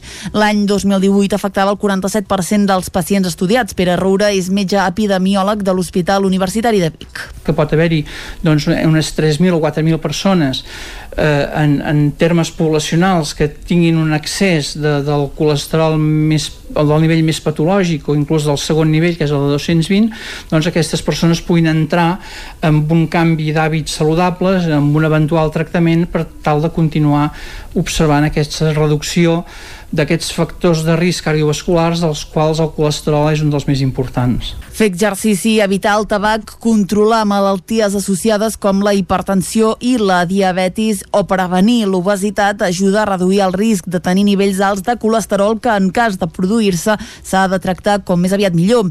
L'estudi de l'evolució del colesterol a Osona va rebre el guardó a millor treball inèdit en la 38a edició dels Premis Sanitat Osona. El torrent de la cabana de Camp de Bànol va rebre més de 20.000 visitants durant la Setmana Santa. Isaac Muntades, des de la veu de Sant Joan. El torrent de la cabana de Camp de Bànol va rebre 20.103 visitants durant la Setmana Santa. Aprofitant que encara no s'havia restablert el confinament comarcal, la gent va venir en massa i va superar totes les previsions. L'alcaldessa de Junts per Camp de Bànol, Dolors Costa, va detallar que 4.303 visitants provenien d'establiments turístics, mentre que els 15.800 restants no van pernoctar al municipi. Tot i aquesta acumulació de gent, no es va superar mai l'aforament màxim de 300 persones. A l'espai hi havia 4 punts de control i quan s'arribava a aquesta xifra, la gent de Protecció Civil feia un mur de contenció i només deixaven entrar nous visitants quan algú sortia de l'espai. A preguntes de la regidora de la CUP, Mariona Baraldés, l'alcaldessa va xifrar en 17.635 euros els diners que s'havien cobrat per entrar, ja que els adults havien de pagar 5 euros i els nens de fins a 11 anys ho tenien gratuït. Ara l'Ajuntament farà una memòria econòmica per comptabilitzar les despeses que han tingut per gestionar l'espai. Costa i el regidor de Serveis Econòmics, Lluís López, detallaven qui formava part del dispositiu. El guarda rural, les dues noies que teníem a la caseta, que cobraven l'entrada i que donaven informació a tots els visitants, el senyor que teníem a la caseta del xalet que diem nosaltres del torrent de la cabana, la policia local, la brigada, també han tingut que pujar a fer manteniment perquè evidentment també on hi ha gent, sempre hi ha gent incívica que, que no s'emporta les deixalles que ha portat a casa. I, eh, jo només una puntualització, Dolors, perquè, perquè això també s'ha d'agrair enormement a tota la tasca que ha fet Protecció Civil, perquè des de luego, si sense la seva col·laboració és és inquantificable a nivell de costos econòmics. Vull dir, sense la implicació i sense l'ajuda que, tingut, que hem tingut de protecció civil no havíem pogut absorbir aquest tsunami o aquesta onada de gent que ha vingut pues, que evidentment pues, tenia ganes de sortir. De cara a l'estiu, el consistori tornarà a gestionar l'espai i haurà d'assumir totes les despeses perquè no reben ajudes econòmiques ni de la Generalitat ni de la Diputació, que com a molt els aconsellen sobre què fer. L'aforament es mantindrà en 300 persones, tot i que Costa no va descartar reduir-lo si els indicadors de la pandèmia empitjoren. Aquesta setmana s'han de reunir amb els propietaris de la zona i l'Ajuntament de les Llosses per signar un nou conveni i de cara a l'any vinent s'està parlant amb un propietari que estaria disposat a assumir la gestió. A més, s'està negociant amb un altre propietari per tal de gestionar una nova zona d'aparcaments, perquè ara molta gent aparca malament al polígon de Niubó i hi deixa les deixalles. Sant Julià de Vilatorta allargarà l'itinerari ciclista fent una passera de mig milió d'euros sobre l'eix transversal. El darrer ple de Sant Julià va aprovar per unanimitat allargar l'itinerari per vianants i ciclistes fent una passera paral·lela que travessi el pont de la C25, l'eix transversal. Aquesta fórmula, segons els tècnics de la Diputació de Barcelona, resoldrà la perillositat del carril ja existent que fins ara quedava en via morta el trencant que dona accés a l'eix. L'execució del conjunt del projecte pujarà a 521.000 euros. Escoltem Montse Piqué, regidora d'Urbanisme i Obra Pública de l'Ajuntament de Sant Julià i també a Joan Carles Rodríguez, l'alcalde del poble. A veure, l'actuació es, es valora l'import de, de l'actuació és de 521.946 IVA inclòs, euros IVA inclòs, dels quals eh, la Diputació n'assumeix 365.362 euros i li correspon cofinançar a l'Ajuntament de Sant Julià un import de 156.583 euros. El diputat d'Infraestructures i Mobilitat Terrestre, el senyor, um, el senyor uh, Pere Pons, doncs ens, en una reunió recent eh, hi va haver la proposta d'aquest conveni que avui aprovem i per altra banda doncs eh, se'ns va comunicar que tots els tràmits administratius tiren endavant i que potser a principis de 2022 podrien començar les obres d'aquest projecte. Amb aquest projecte, l'Ajuntament de Sant Julià completa l'itinerari per vianants i bicicletes que ja comunica des del trencant de la Buscana fins a la urbanització del Puig i al centre urbà. Avui comencen les portes obertes del programa de formació i inserció de la Mongia de Cardedeu, una formació postobligatòria que ofereix la possibilitat de tornar al sistema educatiu als joves no graduats d'ESO. David Auladell, de Ràdio Televisió Cardedeu. El Joel, el Raimon i la Victòria són els germans Estrada. Malgrat que cadascun viu en una punta de món, es mantenen molt units. Una investigació periodística, però, ho posa tot en risc. El Joel, el director de documentals, aviat s'adonarà que hi ha descobertes que fan trontollar els sentiments, sacsegen la vida i obliguen a reescriure el passat. Aquesta peça no és aquesta, és la de Bosch, bueno, que va començar pocs mesos abans de la pandèmia. Escoltem Xavier Bosch, autor de La dona de la seva vida. Bé, com podeu comprovar, no era la peça a la qual l'havíem presentat, sinó que fèiem referència al vermut literari que va tenir eh, lloc aquest dissabte a Cardedeu amb la presència de l'escriptor Xavier Bosch, presentant la seva darrera novel·la. Seguim endavant, continuem parlant també de cultura i espectacles, perquè En òrbita és el títol del segon disc de Marcel i Júlia, una formació que lideren els manlleuencs Marcel Lázara, excantant i compositor de Charango, i la seva companya Júlia Arrey. El duet establert a Manlleu va estrenar en òrbita dijous passat a la gala dels Premis Enderroc, el concert oficial de presentació, però si la situació de la pandèmia ho permet, serà el proper dia 29 d'abril a la Sala Apolo de Barcelona. El nou disc té un total de 12 cançons amb ritmes enganxosos i riquesa instrumental i ha comptat amb la producció de Roger Bosch. La temàtica principal de tot l'àlbum és la lluita per aturar el canvi climàtic, ho explicava Marcel Lázara que aquest disc en òrbita parla de l'emergència climàtica, d'això no, que vivim en un petit planeta al mig del no-res i és l'únic que tenim. I fa molt de temps que els científics ens estan avisant Mm -hmm. i és al·lucinant que no estiguem fent res. I dic que estiguem en plural perquè aquí estem tots dins del mateix barco. Nosaltres no pretenem alliçonar a ningú ni, ni liderar res. Senzillament és que hem d'actuar ja perquè eh, és imminent i per això hem volgut que tot el disc parlés d'aquesta temàtica però des d'un punt de vista uh, alegre Amb el nou treball, Marcel i Juli enceten una nova etapa. Han deixat de ser un duet acústic i han ampliat la banda incorporant Pau Puig a la percussió, Pau Castellví a la guitarra, Pol Parera a la bateria, Clara Ferrer al baix i Laia González fent de multiinstrumentista. Puig i Castellví són membres de Charango, el grup d'on prové també Marcel Lázara. Els concerts de joves talents organitzats per les joventuts musicals de Mollà omplen l'aforament de l'Auditori Sant Josep, tot i la pandèmia. Caral Campàs, des d'Ona Codinenca. Una cinquantena de persones han assistit al concert d'aquest cap de setmana del violoncel·lista Dani Martín. L'esdeveniment estava organitzat dins del format que cada any celebren a la capital del Moianès per acostar joves talents d'arreu de l'Estat a la comarca. Tot i la pandèmia, els concerts d'aquesta primavera estan assolint el màxim de públic permès. Nona Arola, directora de Joventuts Musicals de Mollà, valora positivament la rebuda dels concerts. Bé, estem al, en l'últim concert estava al màxim de capacitat del 50% de la sala i per tant eh, fins i tot ens plantegem que, que clar, haurem de donar prioritat als socis ara perquè perquè si no, doncs no, eh, tenim l'aforament limitat i això doncs ens perjudica, però ja dic, hi ha moltes ganes de sentir música i per tant doncs eh, tenim la capacitat al màxim. Durant els mesos d'abril i maig encara es podran veure tres actuacions musicals més que van del clàssic fins al jazz i tot apunta que les 50 places que les restriccions sanitàries permeten oferir a cada concert s'ompliran novament. Arola explica que han pogut reprogramar part de les funcions cancel·lades l'any passat. Ens formàvem part d'una gira que no, al no poder-se realitzar en aquell moment i no, i doncs no s'ha pogut recuperar però en principi sí, fins i tot aquest estiu en el Festival Vinyes també recuperarem algunes coses que volíem haver programat l'any passat i que no i que no vam poder programar i que ho farem aquest any. Des de les Joventuts Musicals de Mollà també estan treballant per poder adaptar el Festival Vinyes a la situació de la pandèmia de cara a l'estiu.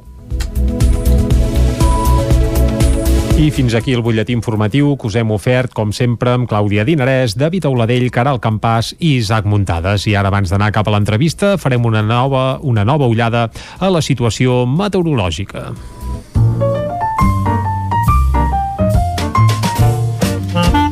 Casa Terradellos us ofereix el temps. I per saber el temps que ens espera per a les properes hores, saludem de nou en Pep Acosta. Bon dia, Pep. Hola, molt bon dia. Molt bona hora. El front que ens va afectar ahir va marxant i avui dominarà el sol. No ben bé un sol allò amb molta força, hi haurà sol i núvols, però sí que no tindrem un dia de precipitacions com el d'ahir.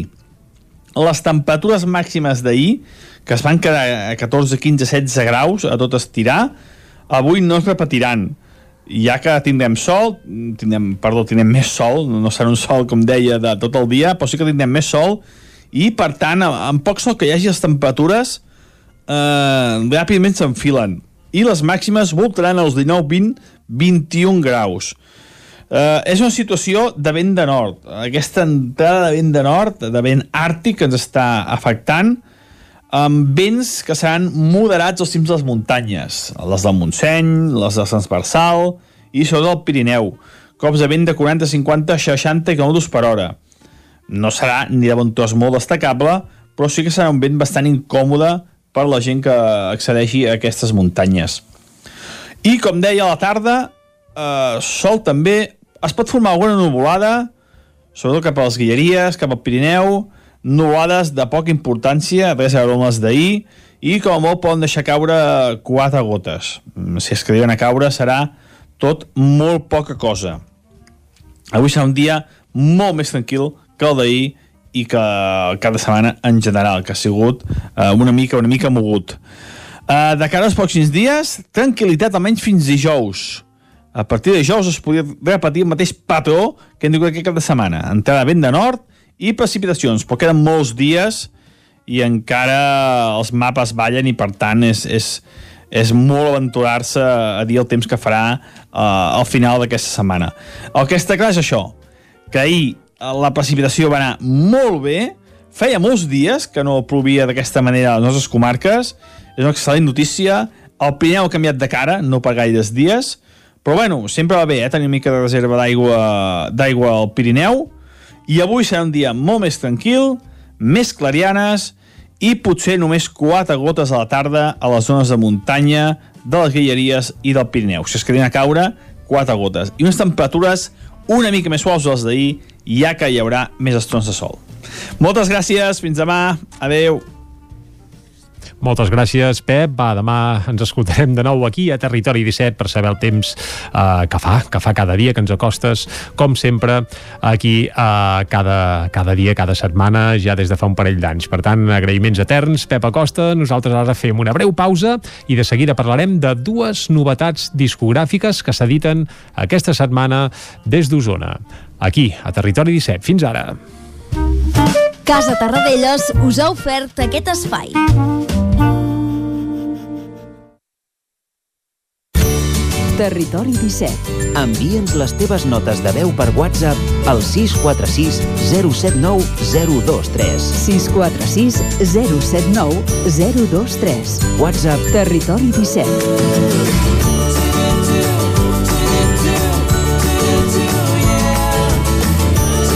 Territori 17. Som a Facebook, Twitter i Instagram amb l'usuari Territori 17.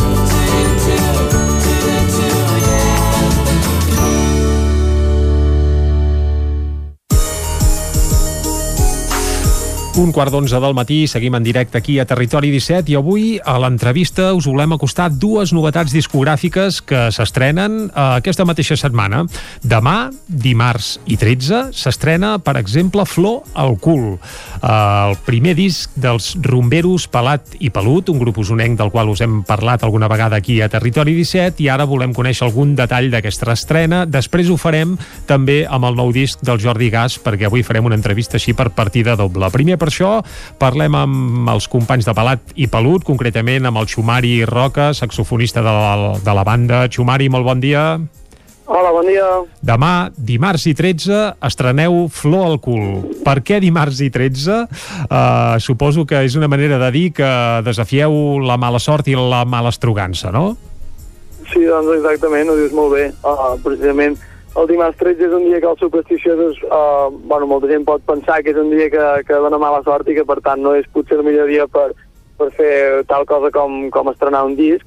Però nosaltres, com que hem orientat tota la temàtica de, del mateix, diguem-ne, en què desafiem una miqueta la mala sort i que ens agrada anar de cara, diguem-ne, amb aquestes supersticions, perquè tant si creiem com si no hi creiem, nosaltres confiem que tenim bona sort i, i podem ser capaços, diguem-ne, de, cridar la mala sort que vingui cap a nosaltres, que la desafiarem de cara i la flor al cul que tenim, diguem-ne, ens farà passar per, per on vulguem. Uh, la portada del, del treball, que s'estrena demà, tampoc no té pèrdua. Apareix allà un gat negre, un mirall trencat, és a dir, tots els tòpics de la mala fortuna els heu uh, enumerat i col·leccionat uh, en aquesta portada també, eh? Exacte, sí, sí, l'hem cridat cap a nosaltres, la mala sort. Mm -hmm. Els Pelat i Pelut és un grup de rumba, però és un grup que té l'origen a Folgueroles i clar, la rumba sovint l'associem en àmbits més urbans i vosaltres diguem que sou d'àmbit més rural uh, com va néixer la banda? Doncs la banda va néixer primer amb, amb en Jazz i en Xevi, que Jazz en Jacint i en Xevi Abril, el, el cantant... En Jazz seria el pelut, diguem-ne, i, i, i en Xevi Abril amb pelat, eh, digue, també? Sí, sí, sí. Mm -hmm. Salta a la vista quan els veus, de fet, un és molt pelut i l'altre és molt pelat. Molt bé, i quan fa d'això? Uh, d'això deu fer ara uns uh, 4 o 5 anys, no t'ho sabria dir exactament, però ells dos uh -huh. començaven a tocar um, com a duo, diguem-ne, i, i anaven a tocar versions de rumba per bars i per tot arreu on els volguessin. I clar, els deien el pelat i el pelut. Uh -huh. Fins que ara fa uns 3 anys doncs, van, van voler fer un projecte una miqueta més gros i van començar a contactar amb altres músics de la comarca, com jo mateix, i vam Exacte. crear la banda que som ara, que som I- nou músics. Correcte, i aquesta banda ja porteu això, un parell o tres d'anys en dansa, però en aquest darrer any us heu trobat amb el coronavirus. Uh, sí, ni amb flor al cul ni sense s'ha pogut uh, salvar aquesta situació. Eh? Aquest últim any com l'heu viscut i heu pogut fer algun bolo o no? Uh, alguns sí que hem fet, però poca cosa, una miqueta com, com tothom, no? que es troba en aquesta situació.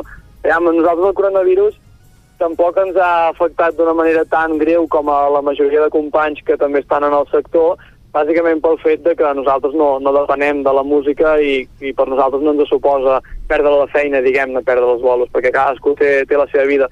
Així que ens ha servit també per dedicar el nostre temps lliure que ens ha donat el, el, la situació pandèmica, diguem-ne, per, per uh, aprofitar més el, el disc. I, de fet, el, durant el coronavirus vam seguir gravant, vam seguir component temes i i algun dels temes que hi ha al disc no haurien sortit si no fos per aquesta situació, de fet, així que uh, d'alguna manera aquesta mala sort que ens ha vingut a tots, a nosaltres també ens ha, ens ha sortit per, per la part bona. Uh, parlant de part bona, parlem del concert de presentació que s'ha de fer d'aquest Flor al cul, que en principi, creuem els dits, perquè tot plegat uh, ja sabem que és una mica incert en el context de pandèmia en què ens trobem situats, però en principi, principis de maig, a la sala La Cabra de Vic, hi ha un concert de presentació d'aquest Flor al cul. Uh, de moment tira endavant el concert, sí? Sí, sí, de, de moment tira endavant, és això, no sabem exactament uh, si, si es podrà fer 100%, però nosaltres confiem que sí. I després en vindran més. Després en vindran més, efectivament, tots els que puguem. Doncs Xumari Roca... A, la, a la nau, ai, perdona. Sí, digues, digues. A, a, a la nau també tenim un altre, a la nau de Barcelona, un altre valor de presentació, Uh -huh. i bé, després altres dates que estan per confirmar encara durant l'estiu. Doncs tant de bo puguem escoltar Pelat i Pelut durant l'estiu seria una molt bona notícia i sobretot això presentant aquest darrer disc al Flor al cul. Xumari Roca, moltes gràcies per haver-nos atès avui a Territori 17. Molta sort amb aquest Flor al cul i esperem escoltar-vos en directe ben aviat. Moltes gràcies. Moltes gràcies per convidar-nos. Adéu, que vagi bé. Uh, que vagi molt bé i de Pelat i Pelut anem ara a saludar en Jordi Gas, un altre músic de casa nostra que aquesta setmana també s'estrena i s'estrena amb cançons com aquesta que escoltem ara mateix.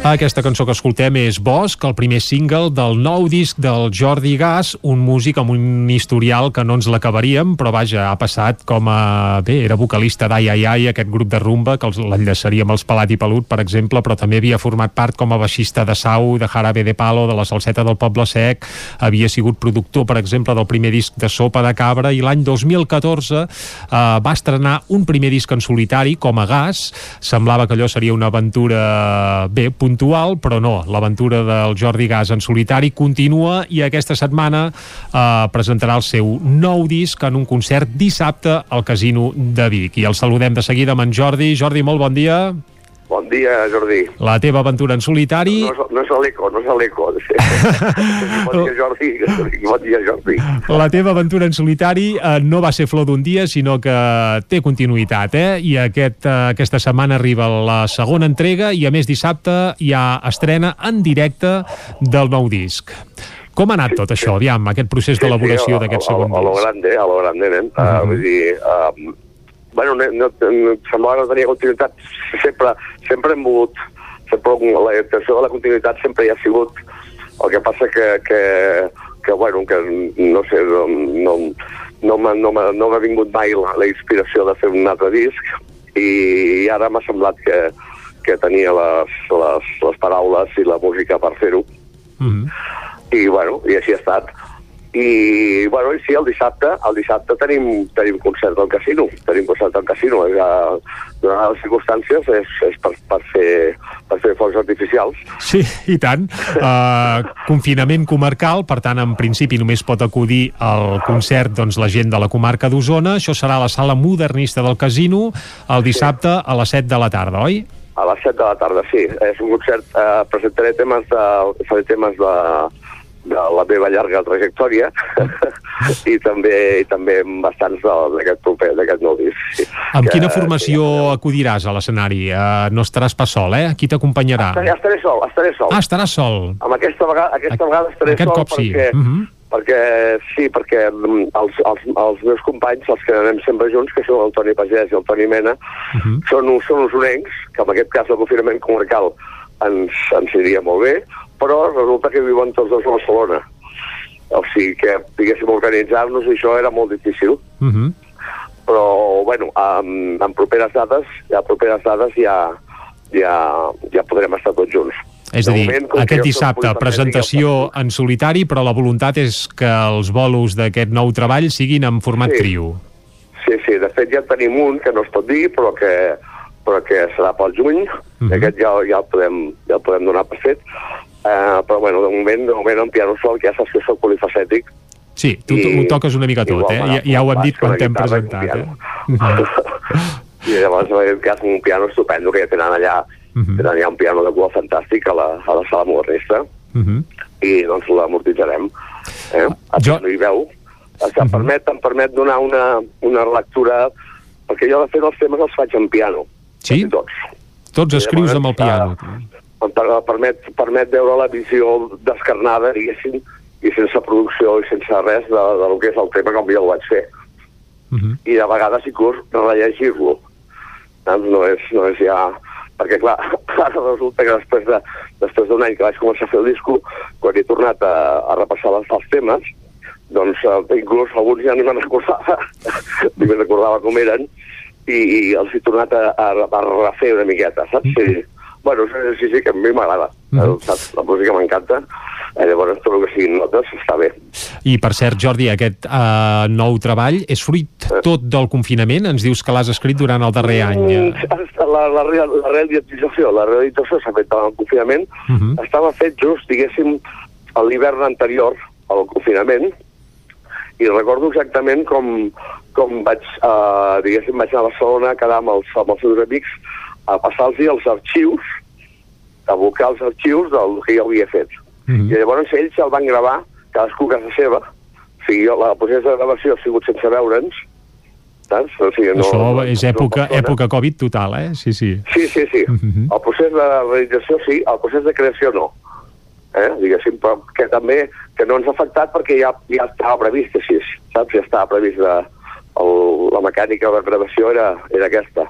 Mhm. I, bueno, i l'hem aprofitat, diguéssim, bàsicament. I tu a l'estudi ja ho has anat cosint tot uh, des, de, des de casa, diguem-ne, no? Exacte, exacte, amb molt de carinyo, les hores absolutament molt barates a casa, No, no, i a més, i en temps de pandèmia suposo que sense gaire presses, tampoc, perquè No, tampoc no, hi devia veritat haver no, urgències. perquè- Mhm.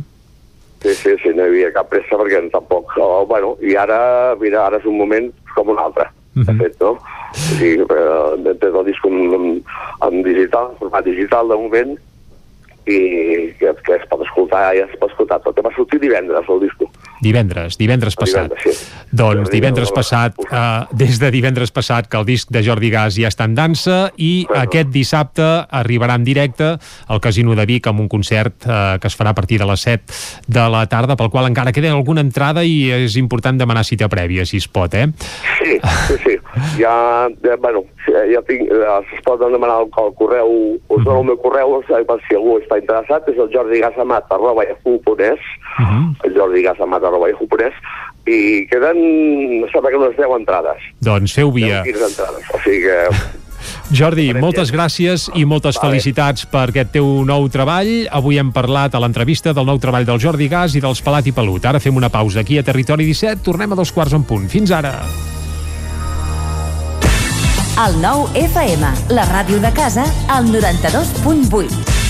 La por, la preocupació, la tristor, són emocions normals davant la situació que vivim. Cuida la teva salut emocional a través de gestioemocional.cat, ara també per a infants i adolescents. Avalua el teu estat emocional. Rep suport d'un professional de la salut i accedeix a eines per a la millora dels teus símptomes. Salut. Generalitat de Catalunya. Vols gaudir d'un bon arròs a casa sense no haver d'embrutar ni preocupar-te per res? el- La Fogonera, paelles per emportar. Un seguit de paelles, tapes, platets i postres casolans pensats per a paladars exigents. Ara més, fem menús per a petits grups de comensals. La Fogonera, la rosseria de paelles per emportar a GURB i que també et portem a casa. Telèfon 93 851 55 75 i a lafogonera.cat. I quan cau la nit, Pupurri Culinari, solucions per sopar les nits de divendres i dissabte. Entra a pupurriculinari.cat i tria. Pepeta Vilaró, menjar a domicili per a gent gran. Menús saludables i adaptats segons les seves necessitats. Per viure més temps a casa amb millor salut i qualitat de vida. Informa-te'n al 931 31 71 81 o a pepetavilaró.cat. Pepeta Vilaró, la salut i el benestar dels nostres avis comença per cuidar el que mengen. Amb Pradell estalvio energia i cuido la meva butxaca i el medi ambient. Posa't en mans de Pradell. Són experts en calderes de gas i condensació, estufes de pèl·let, energia solar, terres radiants, geotèrmia i aerotèrmia. Pradell instal·la calderes de biomassa per a particulars i per a empreses. Si vols estalviar un 50% en consum, contacta amb Pradell i passa't a les energies renovables. Pradell som a l'Avinguda Països Catalans 27 de Vic. Telèfon 93 885 11 97. Pradell.cat. Busquem mares i pares amb consciència. Nodrissa Cuina Escolar és un servei per a menjadors escolars amb uns criteris nutricionals molt seriosos. Som a la comarca d'Osona, Gurb, des d'on cuinem diàriament l'aliment pels vostres fills i filles. Productes de proximitat, canell de cuina i servei seriós. Volem treballar amb i per a vosaltres i si alguna cosa hem après és que no tot s'hi val. Producte i servei exigent per uns clients honestos. Nodrissa Cuina Escolar, el teu nou partner per al vostre menjador escolar. Entra a nodrissa.cat i informa-te'n. A Aquari Jordi hi trobaràs periquitos, canaris i tot tipus d'ocells, conills, hàmsters, ratolins, rates índies, peixos tropicals i molt més. Aquaris, tortugues, joguines i tots els complements i menjars per tot tipus d'animals. Vine a informar-te de totes les nostres ofertes. Aquari Jordi som al carrer Nou número 34 de Vic i també a Instagram.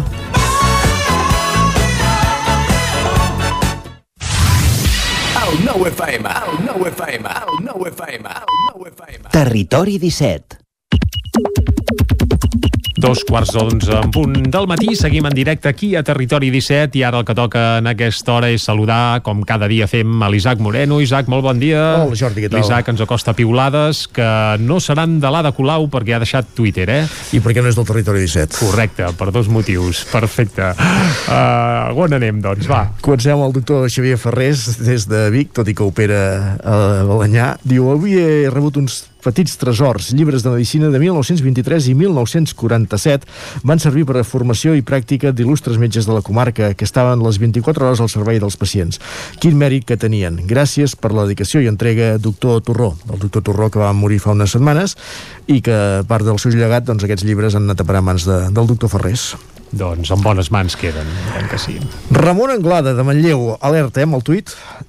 Diu, esmorzar a Cala Cinta, a l'Alou, 67 quilòmetres en bici, dinar al Ferrer del Tall i migdiada d'època. Carai. I acabava dient, això ho deia dissabte, eh? Messi, hòstia puta, marca 15 gols avui, em sembla que no. No. No va, no va ser el cas. Si hagués anat potser a fer la ruta que va fer ell al matí, potser hagués estat més a to i els hagués marcat, però Clar, no. jo, jo el dubte que tinc, clar, ell diu 67 quilòmetres de, de Cala Cinta a Vilanova, però no compta els que hi han de, de Manlleu a Cala Cinta i de Vilanova a Manlleu, entenc, no? Vai, en fi, és igual, ja està. Mm, no sé, no sé.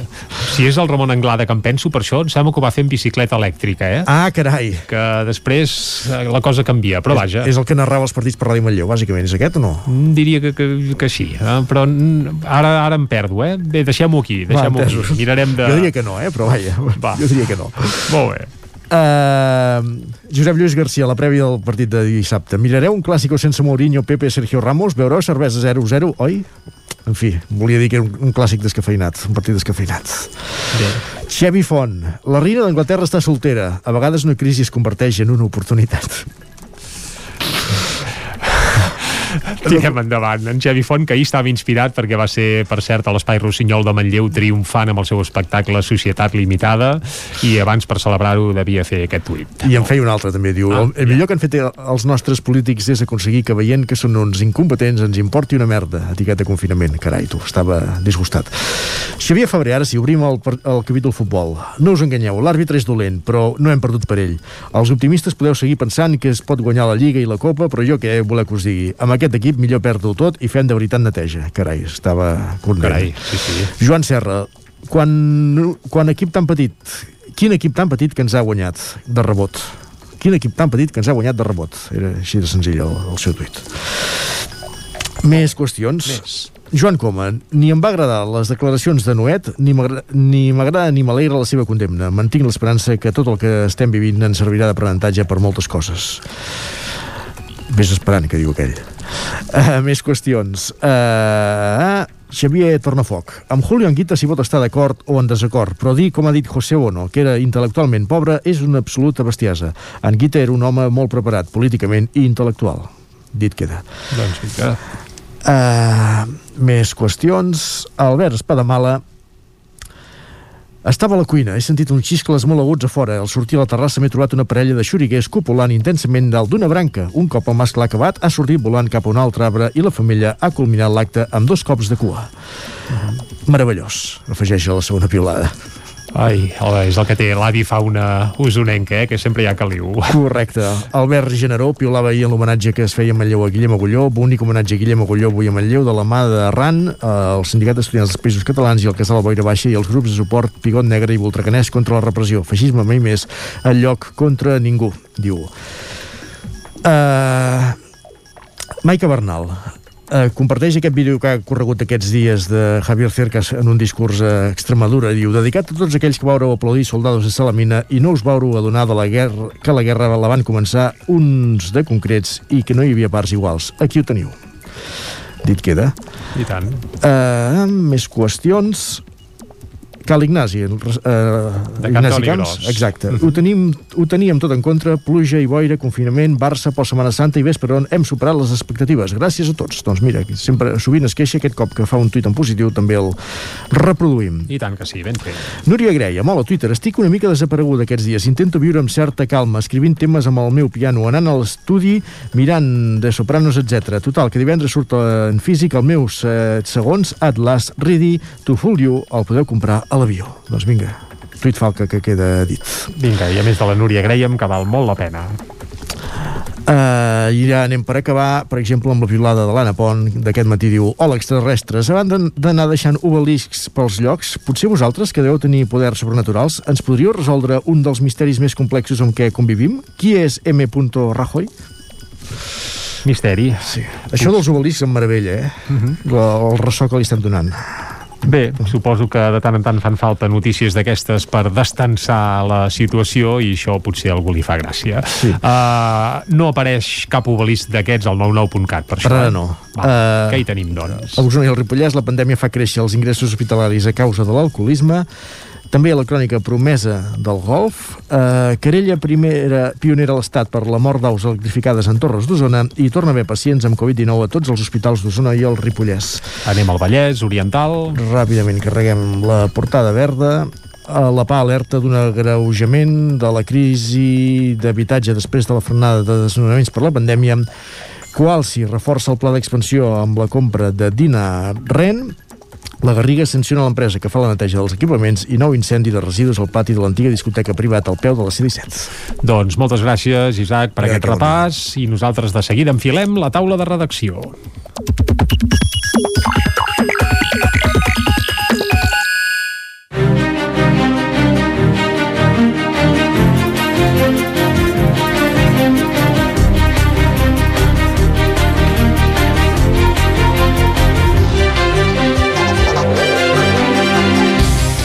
Doncs quan són dos quarts i mig d'onze del matí, encetem la taula de redacció. Avui parlarem de la situació eh, de les UCIs als hospitals usonencs, bàsicament el General de Vic, que està al límit de la saturació, i també parlarem de la Riera de Marlès, on sembla que aquest estiu es plantegen tornar a permetre el bany. Eh, D'això en parlarem amb el Guillem Freixa.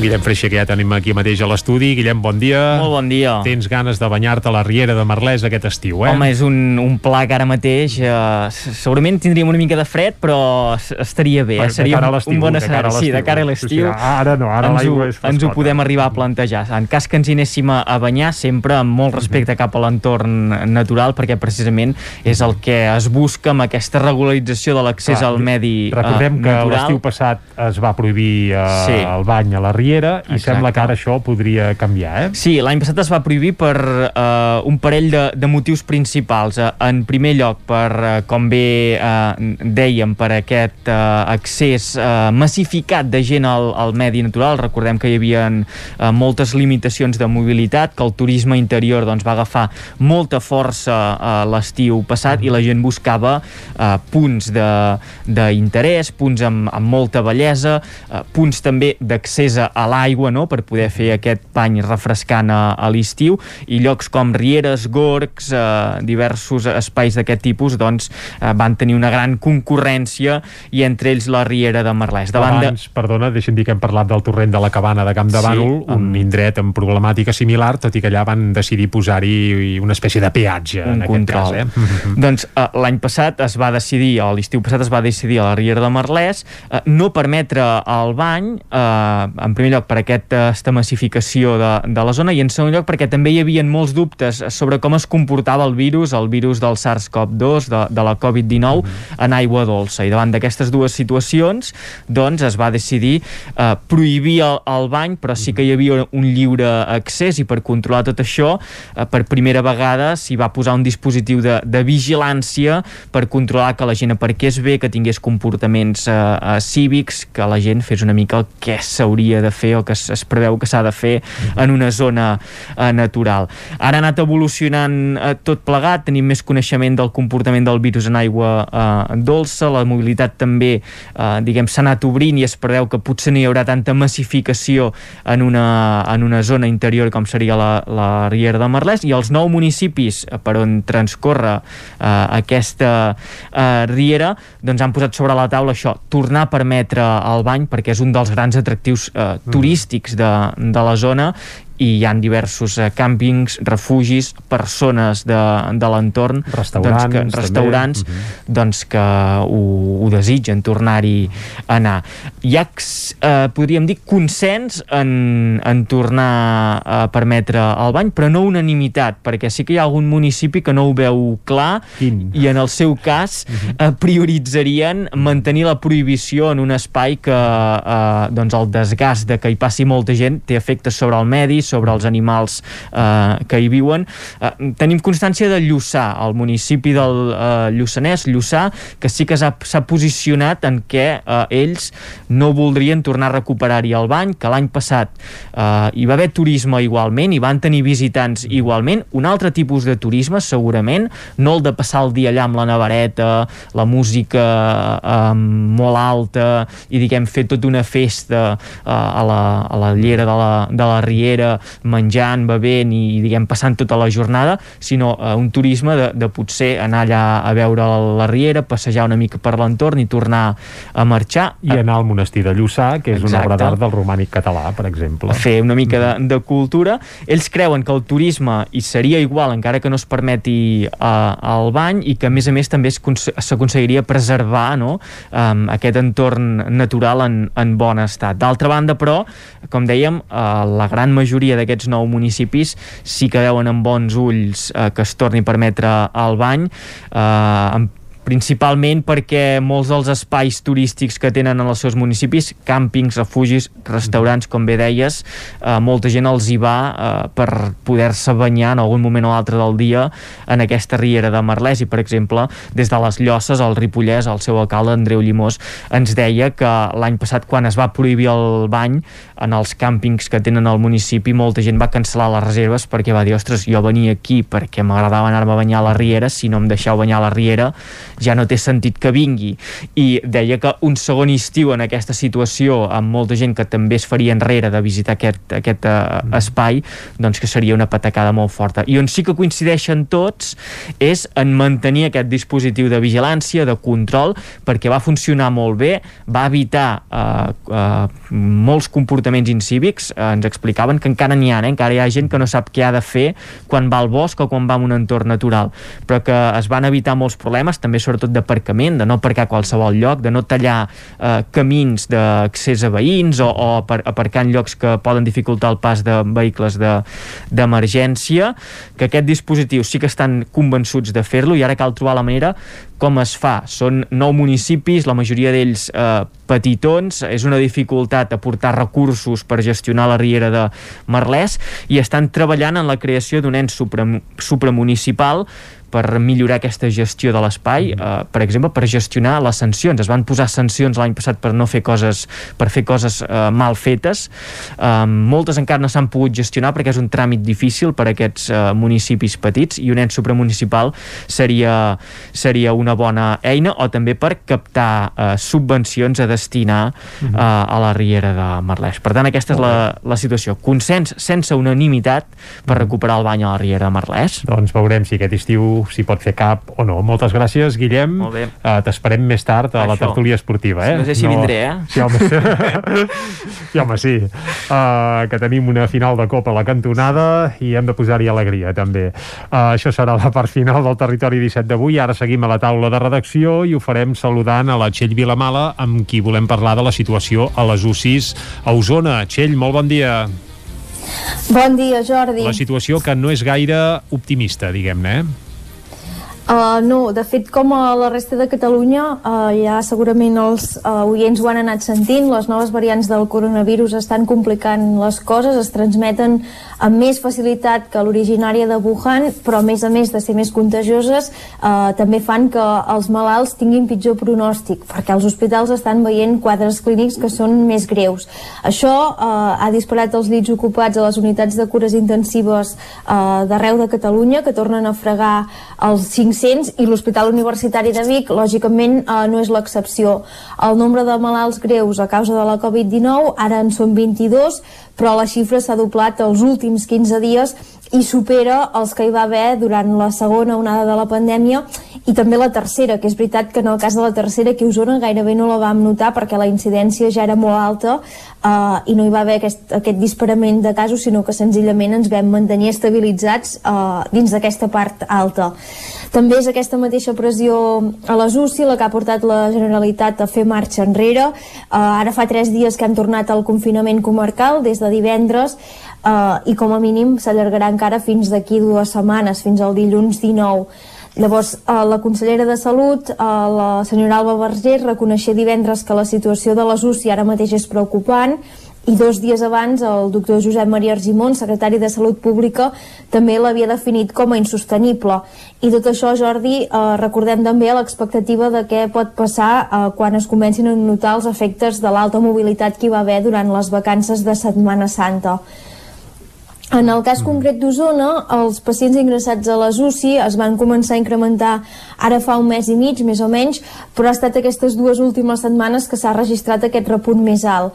Aquestes persones ara mateix estan hospitalitzades a l'UCI convencional, que en el cas de l'Hospital Universitari té 12 llits, i llavors també a la tercera planta de l'hospital que tant es pot habilitar per atendre pacients crítics com semicrítics com malalts en, en estat menys greu. Sí que ens expliquen, tant des de la Regió Sanitària Catalunya Central com des del Consorci Hospitalari de Vic, que un canvi substancial eh, respecte a la primera onada de la pandèmia és que ara mateix els trasllats estan molt més ordenats. És a dir, que hi ha molta més facilitat eh, per derivar pacients cap a altres centres. Si us recordeu, també havíem explicat aquí al Territori 17 que el Departament de Salut ha posat en marxa diferents clústers hospitalaris. Eh, en el cas d'Osona pertanyem a l'anomenat clúster de la C-17 i el que ens permet és que hi hagi un flux de pacients eh, que es va movent cada dia o, me o més o menys cada setmana des de Vic, per exemple, cap a l'Hospital Clínic de Barcelona però també des de Granollers o Sant Celoni, per exemple, que no tenen unitats de cures intensives, doncs cap aquí Vic. Això fa que tots aquests hospitals funcionin com un únic centre, la part pràctica, pel que fa als pacients crítics, i que hi hagi certa facilitat de moviment doncs, per pujar malalts eh, d'un lloc cap a un altre. Això ens expliquen que sí que està fent que les coses dins de la gravetat siguin una mica més fàcils eh, que durant aquesta mateixa època eh, de l'any passat. També ens comentaven des del Consorci Hospitalari de Vic que ara el, el problema no seria ni de falta de material sanitari ni tampoc de falta de llits, sinó que el problema és que no hi ha mans expertes en la cura dels pacients crítics. Uh, això explica que si continuen pujant, doncs segurament s'haurà de tornar a desprogramar uh, activitat d'aquesta programada, com per exemple operacions que no siguin urgents o que el sistema consideri que són menys urgents uh, que d'altres. Al conjunt de Catalunya, ara mateix l'edat mitjana dels pacients amb Covid-19 ingressats a les UCI frega els 60 anys, han baixat substancialment respecte a la primera onada de la pandèmia gràcies a la vacunació i al fet que les persones grans i les més vulnerables estan cada cop més protegides però també és veritat que aquesta edat mitjana a la UCI cada vegada està baixant més, és a dir, que hi ha persones més joves. Fa només unes setmanes, per exemple, aquí al 9-9 eh, recollíem el cas d'un noi eh, de Centelles que en té només 20 anys i com d'ell, eh, encara que sigui una excepció, en trobaríem també el, alguns altres. Un altre punt a destacar sobre el, el tema de les unitats de cures intensives, hi ha alguns malalts que se'n surten, eh, també n'hi ha alguns que malauradament eh, acaben morint, que no superen la malaltia. En el cas d'Osona, eh, la comarca va registrar la setmana passada 10 defuncions a causa del virus. Aquesta xifra la situa com el quart territori català on n'hi va haver més, eh, només quedem per darrere del Barcelonès, el Vallès Occidental eh, i el Baix Llobregat de fet, des que va arribar la, la pandèmia, el març de l'any passat, el total de defuncions aquí a Osona ascendeix a 646 persones. Mm -hmm. Déu-n'hi-do. Doncs... Déu-n'hi-do. Sí, déu nhi déu nhi Xifres esferidores, tant de bo mm, puguin anar baixant eh, bé, eh, tan ràpidament com sigui possible, perquè és evident que, que amb, aquestes, amb aquestes xifres serà complicat mantenir les restriccions actuals i podria ser fins i tot que, que bé, d'aquí uns certs dies doncs encara eh, això es restringissin més les normatives que hi ha vigents actualment. Txell, moltes gràcies per acostar-nos una mica quina és la situació a les UCI. Eh, tanquem aquí la taula taula de redacció que avui hem fet amb Guillem Freixa i Txell Vilamala.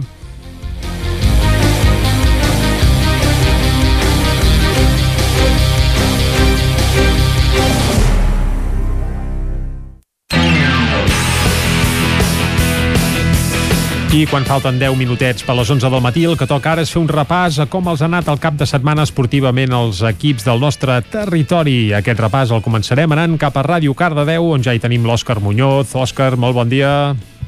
Bon dia. Com ha anat el cap de setmana, esportivament parlant? Doncs, doncs no molt bé.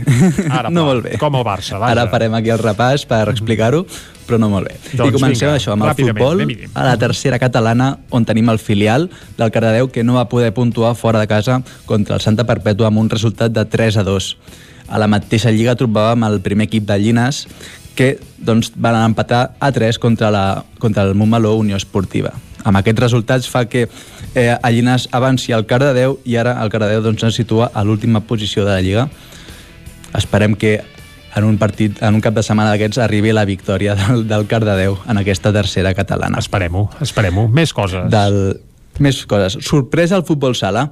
Teníem el, el primer equip de, de futbol sala aquí a Cardedeu, a la Lliga Divisió d'Honor Catalana, i doncs va, eh, va perdre contra l'Sporting de Montmeló per 4 a 1.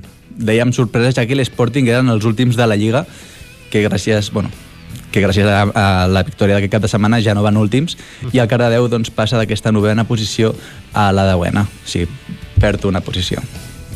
Més. I on també tenim derrota i empat és el handbol femení, que aquest cap de setmana tenien el doble partit contra el club handbol Martorell i doncs dissabte van perdre per 30 a 25 i diumenge a casa van empatar a 22. Molt bé. Ara de Cardedeu, sí, ara de Cardedeu ens anem a Granollers on teníem l'Esport Club eh, Granollers, el futbol, que va perdre el primer partit de la promoció d'ascens al camp del líder, això sí, al camp de l'Europa, per 1 a, de- a 0.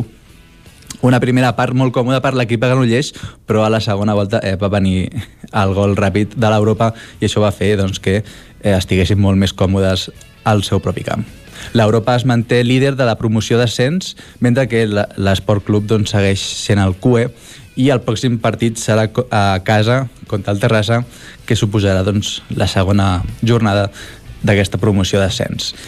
I doncs per acabar, això sí, acabem amb la victòria, ens anem a l'embol, amb la victòria del Franking al Palau d'Esports per, tre, exacte, de Granollers per 30-24 contra l'Helvetia Anaitasuna en aquesta Lliga Sobal que fa que la classificació es quedi igual pels granollerins que van 600 i l'Helvetia que van 900. Doncs moltes gràcies, Òscar. Hem acabat amb bones notícies, tot i que havíem començat sí. això, amb, amb més aviat unes quantes derrotes. Esperem que el cap de setmana que ve hi hagi més bones notícies. Gràcies, Òscar. Anem ara a saludar la Caral Campàs. Caral, bon dia. Hola, bon dia. Com ha anat pels equips del territori d'Ona Codinenca? Doncs Mireu, el rec amb les Caldes d'hoquei, el primer equip d'hoquei de Caldes descansava aquest cap de setmana. Per tant, eh, us comento com li ha anat el Vigues i Riells femení i el Sant Feliu de Codines. El Vigues i Riells reprenia l'hoquei Lliga Femenina després de tres setmanes d'aturada i ho feia visitant el Manlleu dissabte i bé, els va anar bastant malament. Era mm, una de les seves opcions que esgotaven doncs, per, per aconseguir places europees, per aconseguir punts per, per anar encaminant-se cap a la, cap a la quarta plaça. Um, són sisenes la, les noies del Vigues i bé, uh, es van esgotant aquestes opcions perquè, um, perquè la falta d'encert davant de, del Manlleu doncs, uh, va fer que s'enduessin el partit les, les usonenques, les de Peralta van desaprofitar un penal i van estavellar quatre, fins a quatre llançaments al pal en aquest partit que va acabar amb un 2 a, a 1. Llavors, us comento, eh, per tancar aquest repàs esportiu de la nostra zona, els resultats del Sant Feliu de Codines, que el tenim a segona divisió.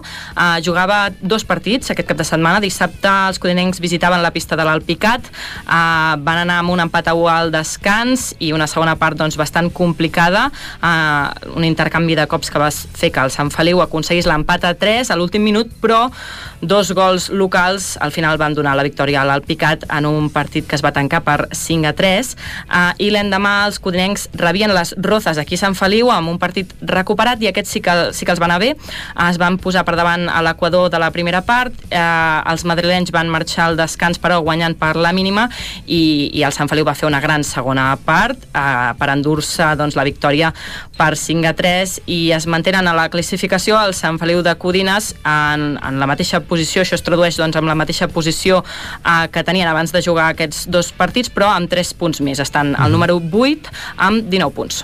Caral, moltes gràcies. A vosaltres. I anem ràpidament cap al Ripollès, perquè avui anem una mica tard, per tant saludem de seguida l'Isaac Muntades. Isaac, bon dia. Bon dia, Jordi. Com ha anat el Doncs, Ripollès? Hi ha hagut una mica de tot. Si us sembla, començarem parlant-vos de futbol sala, eh, de futbol sala per explicar-vos com li va. Sí, sí, sí.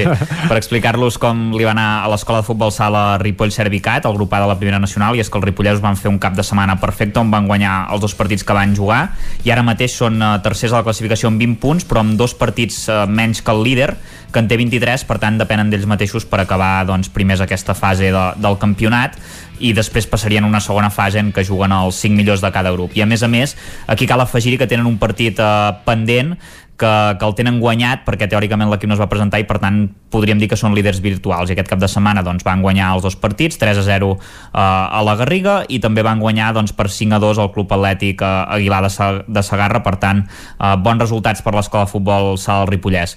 Uh, del futbol sala passem al futbol. Anem al grup 18 de la tercera catalana on sembla que per fi la Badesenc doncs, ha despertat i va donar un cop d'autoritat al camp de, del que fins llavors era el co-líder.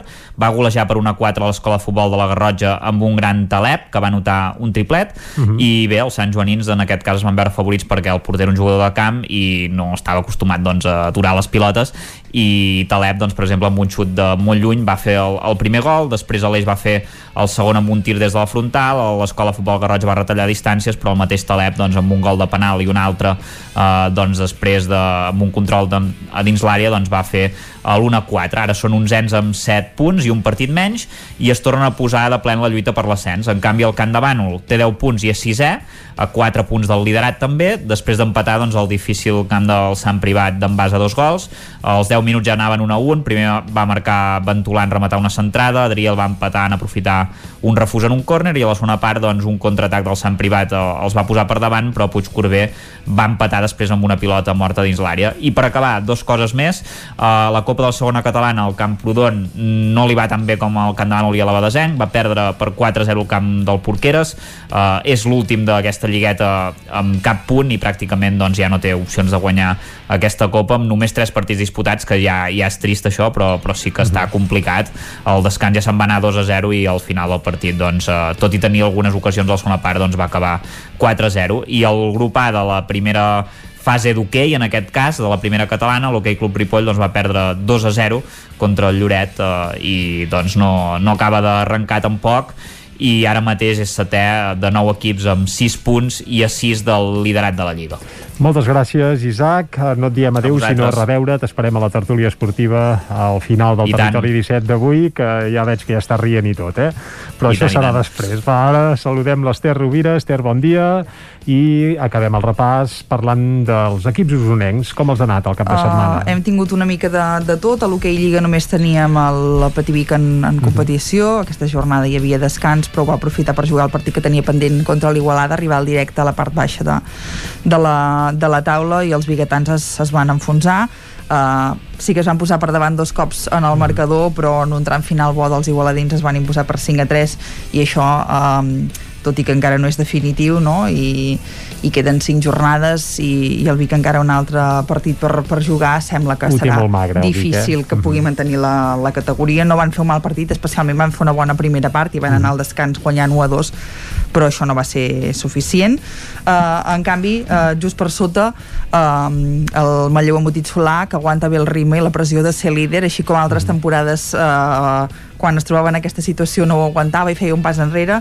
Queden tres jornades només per acabar l'hoquei Lliga Plata. Continua com a líder sòlid del grup eh, nord amb dos punts d'avantatge sobre el segon quatre sobre el, el tercer um, són tres finals el que li queda però de moment doncs, va fer el primer pas que era uh, superar un equip que està lluitant per aconseguir la permanència i per tant són d'aquests que demanen com és el Tordera, va guanyar 6 a 4 que pot semblar un marcador ajustat però hem de dir que van fer un recital a la, a la primera part en què el partit va quedar vist pràcticament per sentència amb un 6 a 1 uh -huh. amb 6 gols que van arribar en poc més d'un quart d'hora de, de diferència per tant encarrilada um, doncs uh, si més no uh, no veurem si de manera directa o, o a través de playoff però la tornada del Manlleu a l'hoquei Lliga El primer puja directe, el segon és a través de playoff, oi? Exacte, sí. Molt bé. veurem com, com li va. Uh, En el cas dels femenins dir que hi ha hagut una doble victòria.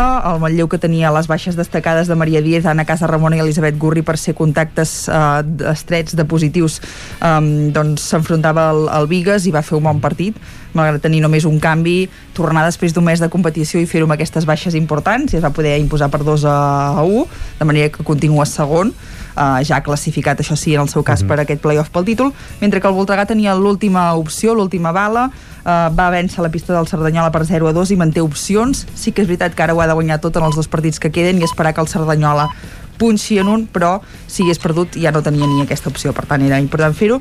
I acabem uh, en el cas del futbol que en general no hi ha hagut uh, no ha sigut una jornada bona. El Vic encara no podia jugar perquè estava acabant de complir la quarantena per haver tingut un positiu de, de Covid-19 i dels altres tres conjunts usonencs a la primera catalana només el Manlleu va poder sumar un punt per trencar la dinàmica dolenta que portava de resultats. Va empatar al camp del Lloret a un gol. I en canvi el Tona i el Vic Riu primer van perdre tots dos. El Tona fent un bon partit, això sí, al camp de l'escala per la mínima mentre que el, Ric, el Vic Riu primer visitava el Bescanó i van perdre per, per 2 a, a 0 aquests serien els resultats més destacats així com també el bàsquet eh, que va fer una part molt dolenta en la seva visita al Llucmajor i va perdre per 75 a 62 i ara haurà de veure què fan els seus rivals per saber si pot jugar eh, doncs, les, les fases de descens Molt bé, el Vic de bàsquet, amb el Vic de bàsquet acabem aquest repàs esportiu del cap de setmana a Osona. Moltes gràcies, Esther. que vagi bé I nosaltres ara anem al butlletí informatiu de les 11.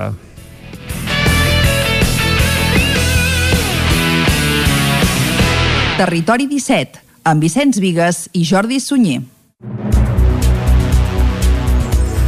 I quan són les 11 i un minut us acostem de nou l'actualitat de les nostres comarques, les comarques del Ripollès, Osona, el Moianès i el Vallès Oriental. La tornada al confinament comarcal ha castigat la restauració i també el sector hoteler d'Osona. Després d'una Setmana Santa amb l'ocupació pràcticament al 100%, han tingut una llau de cancel·lacions tant per aquest com pels propers caps de setmana. La tornada al confinament perimetral comarcal ha provocat una llau de trucades per cancel·lar reserves aquest cap de setmana. Els hotels a Osona continuen oberts, però el pas enrere en les restriccions pel coronavirus s'ha deixat notar.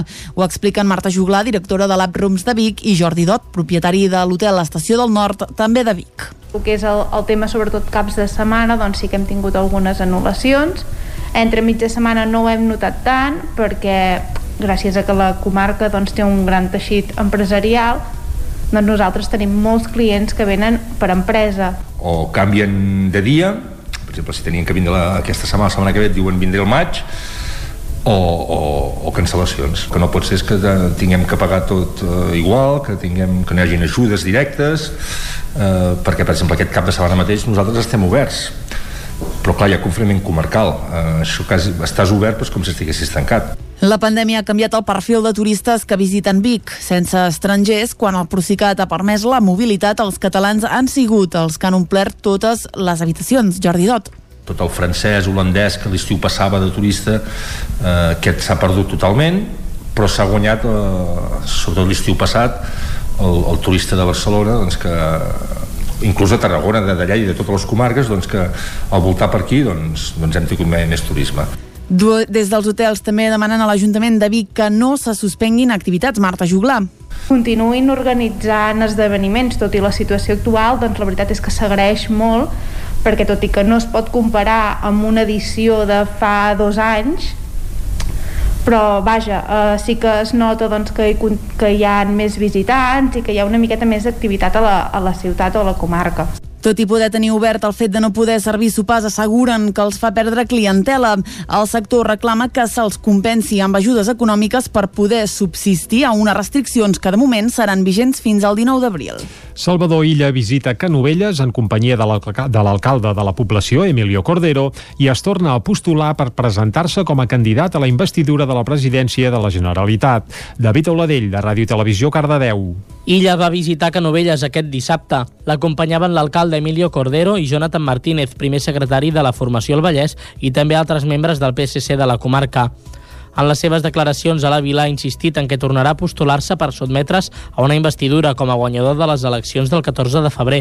Referint-se a les negociacions entre Junts i Esquerra, considera que els partits estan oferint un espectacle poc encoratjador per la falta d'entesa i que haurien de deixar de banda la confrontació per crear ja un govern. També va afirmar que veu el candidat Pere Aragonès molt afablit políticament després de les sessions d'investidura. Per aquest motiu demana formar ell govern reclama que s'enfrontin ja els problemes reals al costat de la gent i els ajuntaments i l'economia i la pandèmia. Assegura que ha parlat amb totes les formacions polítiques menys amb Vox i assegura que es veu legítim per postular-se quan l'actual presidenta del Parlament, Laura Borràs, torni a fer la ronda de consultes. A la població va fer un recorregut pels carrers de Canovelles parlant i saludant veïns que li volien expressar inquietuds i necessitats, així com alguns col·lectius i entitats del poble. Incredulitat a les files d'Esquerra Republicana a Camp de Bànol perquè una plaça de tècnica de turisme havia quedat deserta. Isaac Muntades, des de la veu de Sant Joan. El fet que una plaça destinada a una tècnica de turisme quedés deserta va generar un debat polèmic i inesperat al darrer ple municipal de l'Ajuntament de Camp de Bànol. El regidor de Serveis Econòmics, Lluís López de Junts per Camp de Bànol, va explicar que es va haver de contractar aquest perfil professional per urgència per un període no superior a 3 mesos, ja que no va aprovar cap de les dues persones que va fer l'examen, tot i que 7 o 8 persones s'havien inscrit a la plaça. A partir d'aquí va arribar la polèmica que va encetar el regidor d'Esquerra Republicana de Catalunya, Andreu Acosta, i que van seguir l'alcaldessa Dolors Costa i el secretari municipal. I, ostres, és estrany que no superin les proves en una bossa de treball. Vull dir, no ja dic que hi ha una oferta d'ocupació pública, sinó que, que no aprovin una, una bossa de treball. Vull dir, la pregunta era, tan difícil eren les proves que dos persones tècniques no, no poden superar-les? Vull dir, és estrany. Uh, Andreu, estàs ficant en sospita la decisió? No, no, no, no, no, no, no, no, no, per favor, no. No, no, nada de eso. Recuerdo, recuerdo que el presidente del tribunal, el presidente del tribunal era un servidor. No, no, però no, no, perdoneu, no, no, a veure, no ha sigut la meva intenció pensar que, que anava per ahir la pregunta. No, no, no, és que és estrany, no? Estrany que en una convocatòria, sabeu que tinc certa experiència en aquestes coses, vull dir, i que no se superi una bossa de treball. Ja no parlo d'una oferta d'ocupació pública, sinó una bossa de treball. Sigui com sigui, el secretari va dir que van fer l'examen i que la dificultat anava en consonància amb els coneixements que ha de tenir un tècnic mitjà de turisme. Hi havia una part més general que valorava el coneixement del dret administratiu i una de més específica, amb preguntes sobre turisme i promoció econòmica. També va insistir en que els exàmens només els poden elaborar funcionaris i els polítics no hi poden dir la seva. Acosta va sentenciar que en moltes ocasions la gent que es presentava no estava preparada per assumir el lloc de treball. Precisament per fer un cribatge en aquest mateix ple, el consistori va aprovar una sèrie de taxes per la gent que es presenti exàmens o convocatòries de places públiques emeses per l'Ajuntament. D'aquesta manera s'impedeix que hi hagi gent que faci la sol·licitud i després no es presenti a l'examen i no es carrega de feina necessària al personal administratiu. Pels exàmens dels grups A1 i A2, responsables o caps d'àrea s'hauran de pagar 40 euros. Pels dels grups B i C1, auxiliars administratius, 30 i pels grups T2 i AB 25. No hauran de pagar cap taxa les persones que estiguin a l'atur i no percebin cap ingrés ni les persones discapacitades que presentin el certificat de reconeixement legal de disminució mínima del 33%, una mesura que Esquerra veia bé, però van advertir que s'hauria de fer alguna cosa més si hi havia algun altre procés que quedava desert i va apuntar al pròxim que hi haurà, el del vigilant municipal. Els veïns del barri de la Bolera de Caldes de Montbui, contraris al projecte d'habitatge per a joves, asseguren que s'hi oposen per motius estrictament urbanístics. Caral Campàs, des d'Ona Codinenca.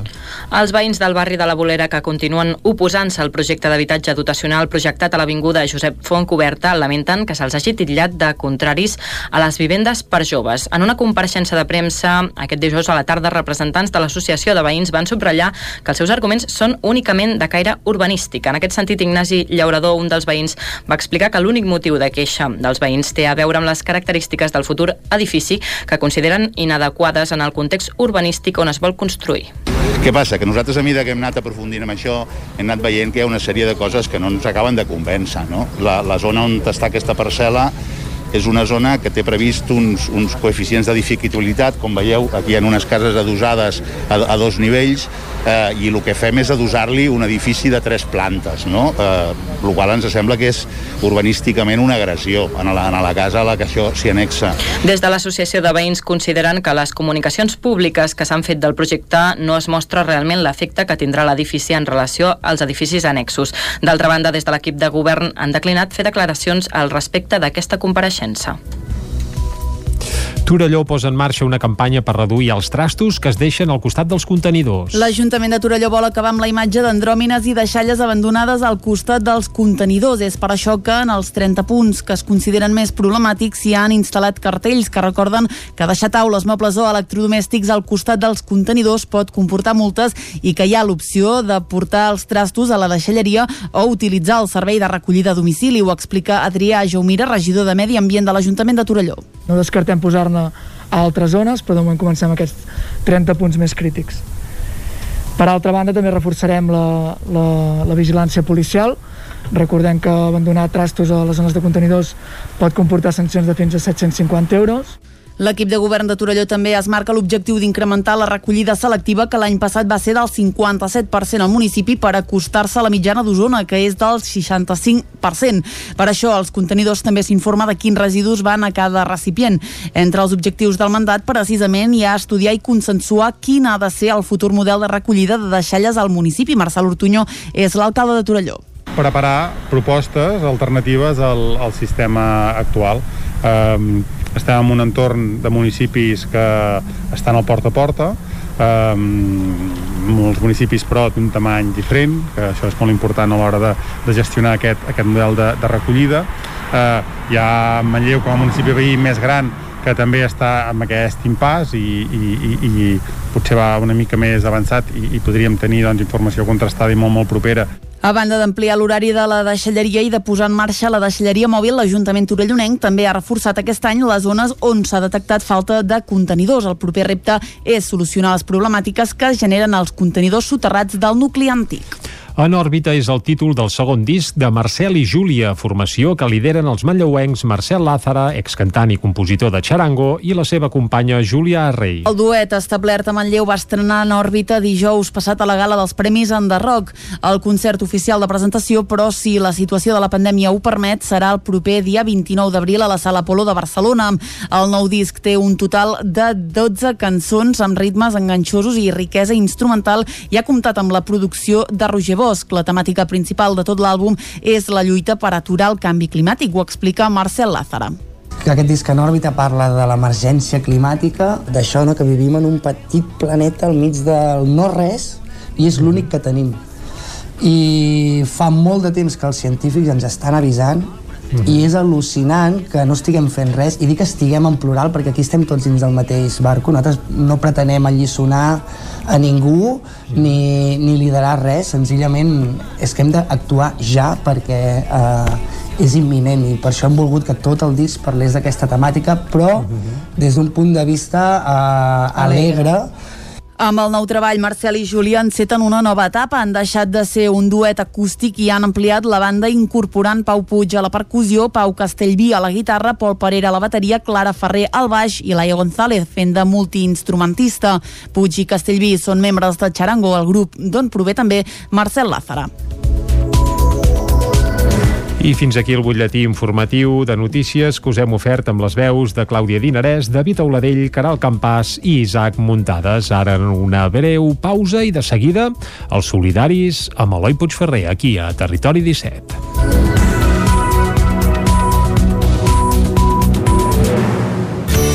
Territori 17. Envia'ns les teves notes de veu per WhatsApp al 646 079 023. 646 079 023. WhatsApp Territori 17.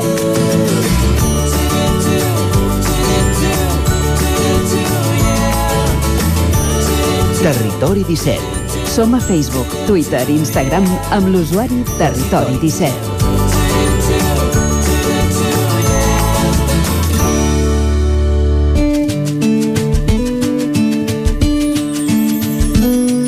Solidaris, amb Eloi Puigferrer. La majoria de vegades, també aquí al programa Solidaris, quan parlem d'ONGs i identitats amb finalitats socials, la ment ens porta cap a organitzacions que es dediquen principalment a ajudar a persones desafavorides al tercer món. Altres vegades ens hem centrat directament en aquelles entitats que ajuden a la gent d'aquí, a les nostres comarques, però en poques ocasions hem tractat un terme intermig, les associacions que ajuden els nouvinguts a integrar-se dins la nostra societat. I és que, en el fons, arribar a un nou país no és senzill, i molt menys encara si ho fas amb la família i sense conèixer res ni a ningú. A Osona, i més concretament a Manlleu, el 2009 va néixer en el context escolar una entitat que, més enllà d'ajudar els nouvinguts, es centrava sobretot en les dones i mares de família, un col·lectiu encara més desafavorit en aquest sentit. Amb el nom de Mares Món, l'entitat no va tardar a donar un pas endavant i obrir-se a tota la societat, oferint el seu acompanyament a tothom a qui li fes falta. Per conèixer més a fons aquesta entitat, avui, des de Ràdio Vic i a través de l'antena de Territori 17, en parlarem amb la seva presidenta, l'Aurora Colom.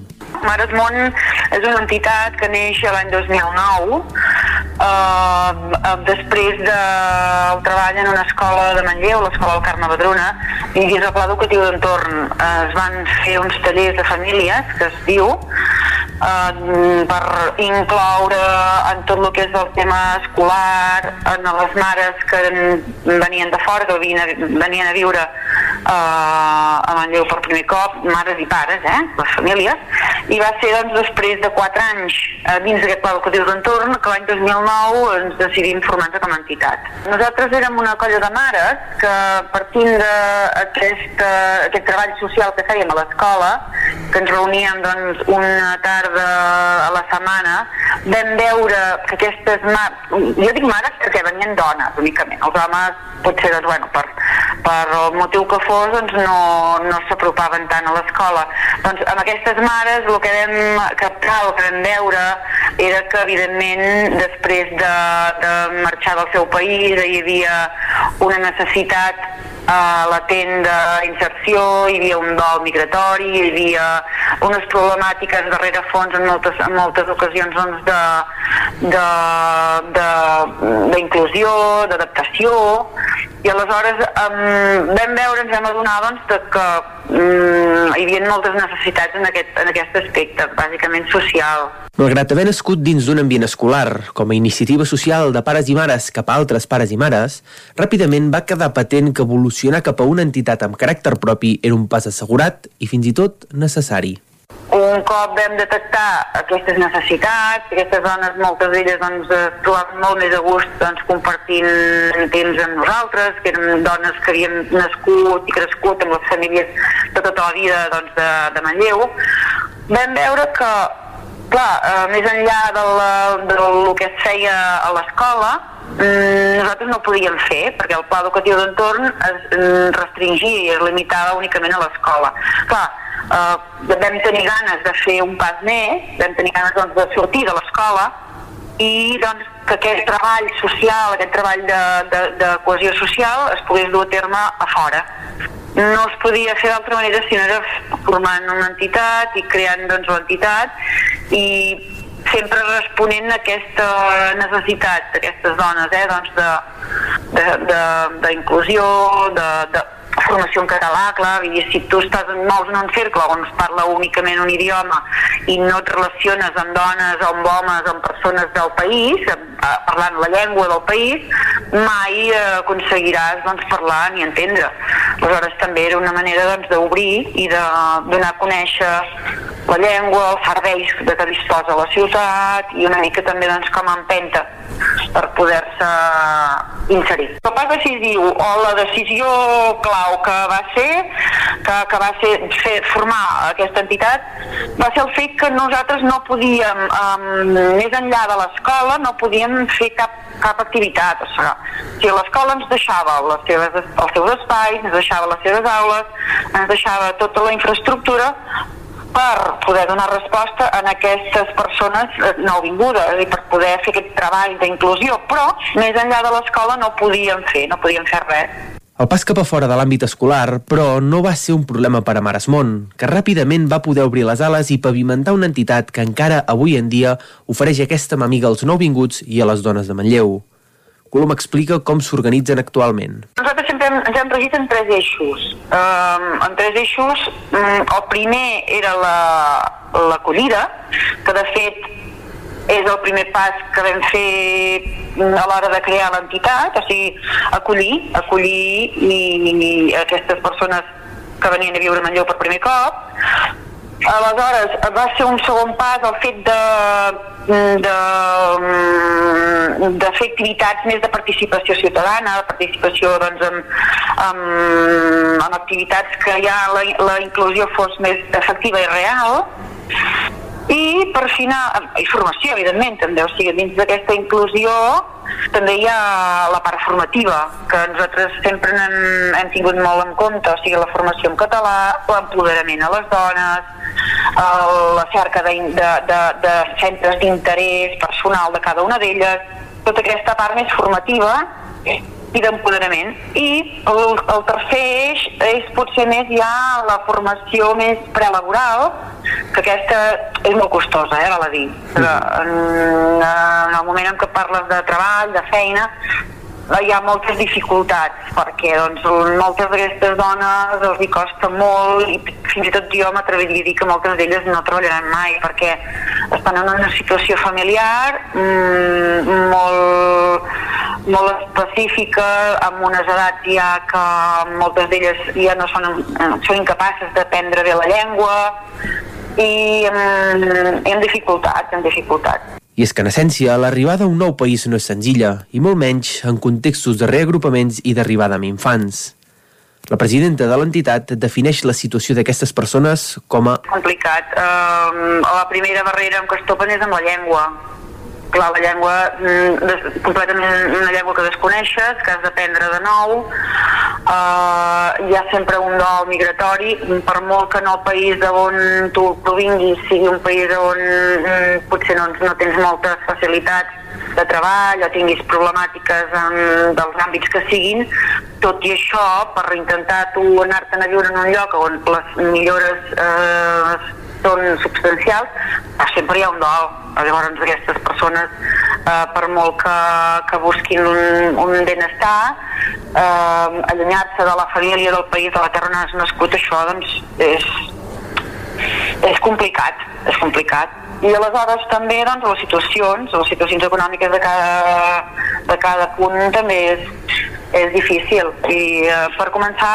si vols treballar has de conèixer la llengua. Aleshores, fins als 3 anys eh, no pots posar-te a treballar tampoc. Has de conèixer l'idioma, has de conèixer doncs, molt bé eh, el món laboral i t'has d'especialitzar, necessites eh, saber fer doncs, alguna feina, t'has de formar, moltes d'elles, sempre parlant de dones, eh, que és el mm -hmm. tema que nosaltres, els, les persones que nosaltres ajudem, moltes d'elles no tenen formació professional, algunes sí, algunes sí, val a dir, tenen estudis, però bueno, llavors hi ha molts obstacles, eh? o sigui, molts obstacles. Aprendre la llengua és, sens dubte, el principal escull amb el qual topen aquestes persones i és l'aspecte que des de Maresmont es treballa per sobre de qualsevol altre. Nosaltres ara mateix, per exemple, fem unes formacions a petició de la Generalitat de formacions en alfabetització i català. Aleshores, eh, com que eh, escola d'adults eh, estan col·lapsats eh, consorci, el consorci també és una eina molt bona, però eh, quan tu arribes al consorci has de tenir una base ja d'alfabetització i un mínim de català. Aleshores, és, diguéssim, un pont. Intentem fer aquest pont de la dona que arriba, que no coneix eh, la llengua, molt, mm, la dona que fins i tot està per alfabetitzar, que ha pogut passar per escola d'adults o que està en llista d'espera perquè està molt plena, doncs intentem a aquestes persones donar-los aquest primer, aquest primer, aquesta primera formació. Apropar-les a la llengua, alfabetitzar i que a partir d'aquí puguin elles també ja fer el pas cap a escola d'adults i cap a normalització lingüística, normalització lingüística a consorci. Val? Uh, moltes d'elles uh, per temps que han estat aquí perquè, clar, fa molt temps a vegades que han arribat, que arriben i que no es relacionen, no coneixen el primer, el primer idioma que comencen a aprendre el castellà, i aleshores intentem a través del castellà a passar a català i bueno, anar fent aquesta formació que és una mica de, de formigueta. En un moment on la Covid-19 està posant contra les cordes a tot el teixit associatiu i social, Mares Món es troba en un moment bo, sobrevivint i adaptant-se a la nova realitat per revifar amb força quan la pandèmia ho permeti, tot i que ha notat una baixada en la participació i en la implicació en l'entitat. Colombo explica. Fa un temps estàvem, eh, teníem voluntariat, clar, parlem d'uns anys, eh? Parlem d'uns anys que no són pocs. Aleshores vam començar amb, amb cinc dones, eren cinc les que vam fer les que vam formar l'entitat, érem la junta directiva, i d'aquestes cinc vam passar a ser un, una, una, una, una bona colla, érem 11, 12 o 13, depèn. Passa que amb el temps també doncs, per problemes familiars, per problemes personals, per decisions personals, doncs eh, hem reduït aquest voluntariat i, i ara estem amb menys persones, som una junta directiva de tres i s'incorporen persones eh, amb, a, a treballs diversos, vull dir, mm, nosaltres sempre diem el mateix, la, la vinculació que es pugui fer amb Mares Món és cadascú la que vulgui, la que li vingui de gust, fent les activitats que, que vinguin eh, de gust, no, no, no es necessita cap mena de, de, de mínims ni res. Aleshores, hi ha ara hi ha som una colla de noies, diria que som cinc dones que estem també treballant en diferents aspectes i diferents activitats i cada una es vincula en funció del que vol. Sigui com sigui, a l'entitat li queda molt camí per recórrer i Colombo encara amb moltes ganes i, sobretot, amb els objectius i ambicions de l'entitat ben clars a 10 anys vista.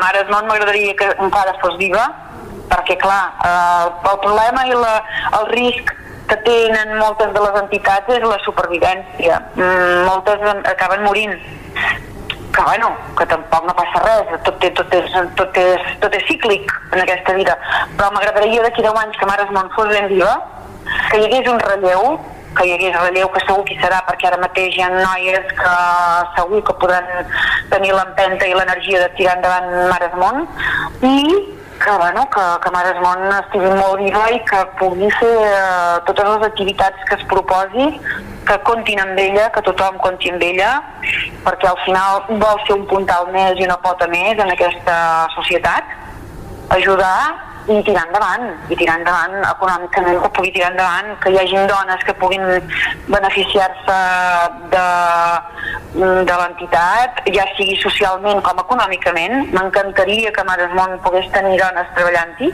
ni que siguin poquetes, però bueno, que poguessin viure treballant a l'entitat i, i molt viva, m'agradaria veure-la molt viva. Espero que sí, espero, espero. Però bueno, ja dic, tot dependrà també de, de, de les noves generacions i de les persones que es vinculin. El relleu és una prioritat per totes les organitzacions solidàries, però Mares Món la feina feta els permet pavimentar uns fonaments sòlids que asseguren un futur a l'entitat. I és que estendre la mà als nouvinguts sempre és una necessitat, sigui on sigui, però fer-ho amb visió femenina és igualment important i necessari per facilitar la vida a totes les persones que ja viuen el tràngol d'haver d'abandonar el seu país natal.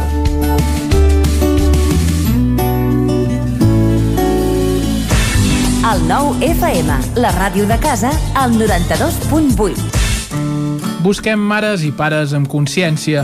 Nodrissa Cuina Escolar és un servei per a menjadors escolars amb uns criteris nutricionals molt seriosos. Som a la comarca d'Osona, Gurb, des d'on cuinem diàriament l'aliment pels vostres fills i filles. Productes de proximitat, canell de cuina i servei seriós. Volem treballar amb i per a vosaltres i si alguna cosa hem après és que no tot s'hi val. Producte i servei exigent per uns clients honestos. Nodrissa Cuina Escolar, el teu nou partner per al vostre menjador escolar. Entra a nodrissa.cat i informa-te'n.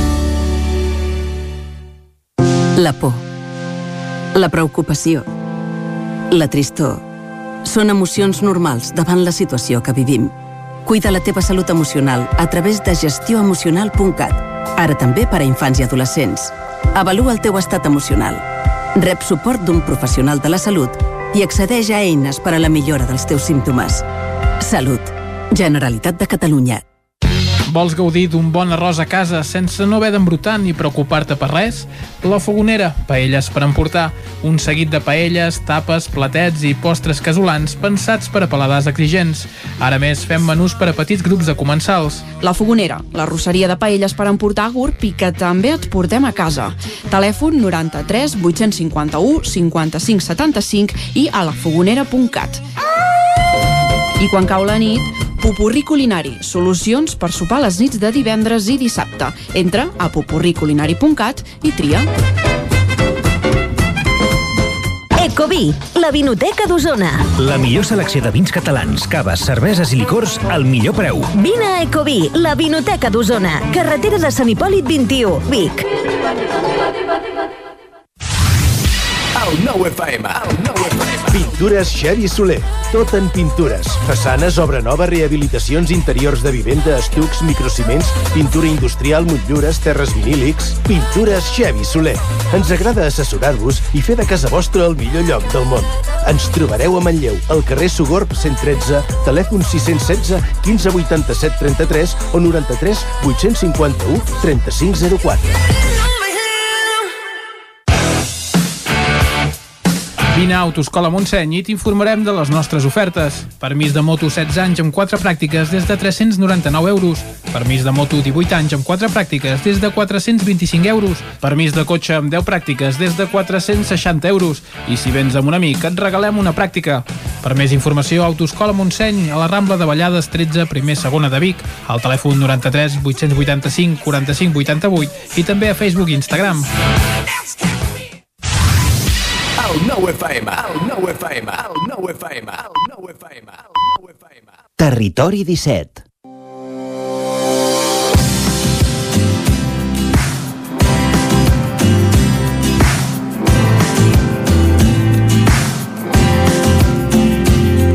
Santa Maria de Palautordera és un municipi ubicat a la zona est del Vallès Oriental, al peu del massís del Montseny, una bonica localitat situada a la vall del riu Tordera. Gràcies a les esplèndides vistes que tenen al massís del Montseny, l'han convertit en un punt de pas del camí del Montseny, a les portes del Parc Natural del Montseny, espai protegit i declarat reserva de la biosfera. Els turistes fa molts anys arribaven en tren al poble i des d'allà fins al poble feien el trajecte en tartanes o arribaven fins a Sant Esteve. La parada al poble era la fonda de Can Xà, lloc on també es venia el bitllet per viatjar i així s'anunciava a la premsa de l'època. El segon grup de persones que visiten el poble i s'instal·len, ja sigui definitivament o com a segona residència, es construeixen cases o es reformen d'antigues. Destaquen les del Passeig del Remei amb un estil modernista, com les que es troben al Pla de Can Sala. L'església és un edifici gòtic tardà acabat el 1563, com a reforma d'una antiga església que no en coneixem el seu origen. L'estructura de la planta és d'una sola nau, amb sis capelles, tres a cada costat, un presbiteri i el cor. El seu interior estava decorat amb grans retaules que van ser cremats durant la Guerra Civil Espanyola. Tot i així, de la decoració interior en conserven el retaule de Sant Pere, de Joan Gascó, conservat actualment al Museu Nacional d'Art de Catalunya a Barcelona. El campanar és una reutilització de l'antiga torre del Palau del segle XIII i realitzada amb còdols, a la qual se li afegeixen dos pisos superiors amb un acabat hexagonal de carreus. Té un coronament piramidal amb merlets esglaonats. El pont trencat és el pont que travessa el riu Tordera i separa els pobles de Santa Maria de Palau Tordera i Sant Celoni. L'origen d'un pont en aquesta zona podria ser romana, tot i que el que conserven actualment és d'origen medieval. El pont es trobava en un dels passos de les vies romanes. Al 1443 es reconstrueix i s'hi construeixen un hostal, restes del qual es troben en l'actualitat dins una casa particular. El pont està compost per dos arcs ogivals. D'aquest només en resta un, el que es correspon al poble de Santa Maria de Palau Tordera. L'ermita del Remei és un edifici neoclàssic. L'exterior és paredat i té una façana amb la portada d'arc de baixat, un ull de bou i un campanar. L'interior és de planta de creu llatina amb un cimbori, un cor sobre l'entrada i un cimbori que acull la imatge de la Mare de Déu del Remei, còpia realitzada el 1939 de l'original del segle XVI, cremada durant la Guerra Civil. Territori 17 I després de descobrir algun dels racons del nostre territori, el que toca ara és enfilar-nos, com fem cada dia, al tren, a la Trenc d'Alba. A Trenc d'Alba, edició pandèmia. Ara sense els usuaris que ens explicaven les seves desgràcies a la R3, però amb els mateixos retards i problemes de sempre. Benvinguts a Tren d'Alba. Doncs bé, avui no us porto precisament una bona notícia i és que aquest diumenge vam haver de lamentar, per desgràcia, un altre atropellament mortal a la línia de tren R3, concretament molt a prop de l'estació de Torelló. Aquest sinistre va obligar a tallar la circulació de convois entre el municipi torellonenc i Manlleu durant unes 3 hores. Segons les informacions dels bombers de la Generalitat, els fets van passar poc abans de 3 quarts de 10 del matí, quan a uns 300 metres de l'estació de Torelló en direcció a Manlleu, una persona va ser embestida pel tren. Els Mossos d'Esquadra ja estan investigant per què va succeir l'accident. Evidentment, Rodalies va haver d'oferir un servei alternatiu per carretera. I ja comença a ser una constant, aquest cop sense cap culpa, sincerament, però després dels talls per les obres del túnel de Toses o aquell camió ferroviari que es va desfrenar a Planoles, portem uns dies que només hi ha que males notícies. Va, ens retrobem demà amb més històries del tren i de la R3.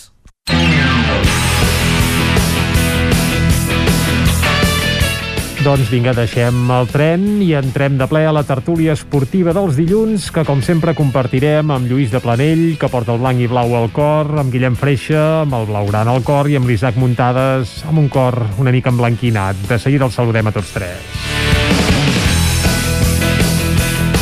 Perquè avui la tertúlia esportiva tindrà un protagonista central, que és el partit de dissabte passat entre el Madrid i el Barça, un partit que es van endur els blancs, no sense polèmica, tot i que ja imagino que tothom ho veu des del seu propi uh, bàndol i cantó, eh? I per tant vull començar amb el Guillem Freixa, que és un xicot que no se'ns espera gaire, uh, que sempre és molt prudent, i Guillem, tu creus que l'àrbitre va perjudicar el Barça en el partit de dissabte? Suposo que no demanaràs cap penal, eh? No, jo el que diré és que mm, tan xiulable era aquest penal com el de la primera volta d'en Sergio Ramos. Mm, jo crec que... Que, no, que dèieu que no ho era. No, que no ho era, bueno, sí, sí, però aquell es va xiular i va canviar el, el, el, el signe del partit i aquest no mm, amb això de l'arbitratge jo crec que aquí a Espanya no, ni el VAR soluciona la, la polèmica que ja n'hem parlat moltes vegades aquí eh, i que al clàssic hi ha molts aspectes a, a comentar i l'arbitratge n'és un però que potser et fa una mica de, de mandra no, a vegades que el VAR mm, va una mica batzegades no? Hi ha un criteri unificat eh, en funció del partit en funció del rival en funció del minut en què passa l'acció eh, les accions es revisen d'una manera, es revisen eh, d'una altra. Escolta, no, no és... Home. No, no, no parlem d'això, perquè sí. està d'esquena a la porteria. En, a, a Home, mig, arriba, li guanya la posició. A mig centímetre de, no, de la ratlla de fons. Lluís. Una és cosa és que em diguis que... És impossible que remati res. No, però és, és possible li, que agafi li toca una mica a, a la mà.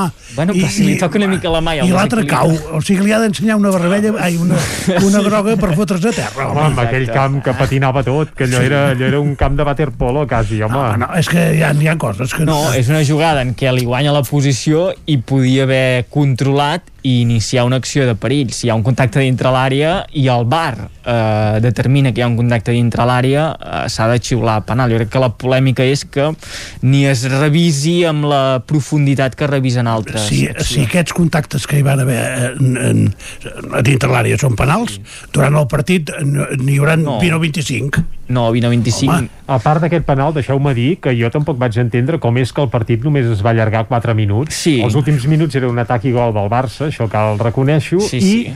l'àrbitre es va passar dos minuts i mig arreglant-se un dispositiu que li va acabar de fallar, i va haver tots els canvis possibles, per tant, aquí sí que alguna cosa va fallar. Una altra no? anomalia de, de, del això futbol. no és el bar, això ja simplement és espanyol. portar el rellotge Això és que a l'hora. Polvia, Polvia molt hi tenien ganes Eh, d'anar eh, a xupluc. Sí, sí, sí, no, si hagués estat el resultat al revés 1 a 2, segurament no s'hagués baixat dels 7 minuts d'afegit, però, és clar amb la situació en què estàvem, és que ho ha dit ara en, en Jordi, no? Uh, hi han tots els canvis possibles uh, fets, hi ha una pèrdua de temps de l'àrbitre arreglant-se el pinganillo del, d'en Florent, d'en, vull dir, de, de, del bar. No, de l'orella, a través del De qual li parlen els assistents o des del bar, correcte. i, i 4 minuts, que 4 minuts és el que pràcticament s'afegia quan no es podien fer tantes aturades en el joc en un partit normal eh, de qualsevol jornada eh, de lliga se n'afegeixen sempre ja per, diguem, per eh, cortesia 3 i ara i en aquests Ja, ja, ja. que se'n van Aviam. afegir 4 Uh, Guillem, uh, només hem sentit a Lluís, només hem sentit l'Isaac Muntades riure de moment, Sí, encara no l'hem sí. sentit parlar. Per Home, tant, no- no cal que digui res més. No, no, home, no, home, pobre. No hace falta decir nada más. Sí, home, sí, que fa falta dir alguna cosa més. Isaac, uh, bon dia, de nou. Uh, bon dia. Tu vas veure un partit just i sense polèmiques i amb un resultat, uh, suposo que fantàstic, eh? Jo, jo el que vaig veure la setmana passada és la setmana blanca que normalment és la, la, és la setmana que s'utilitza per esquiar Ho dius va ser- meteorològicament parlant, eh? Perquè aquest cap de setmana s'ha Sí, tornat a sí. enfarinar el Pirineu, eh? Sí, també, però va ser una setmana blanca primer amb la gran victòria contra el Liverpool després contra la gran victòria contra el Barça en una primera part en què els vam passar per sobre, que això m'encanta, passar-los per sobre i, i, i que podrien haver set 4 5 gols Home, tranquil·lament Potser, potser no tant. Ah, Sí, jo crec que sí.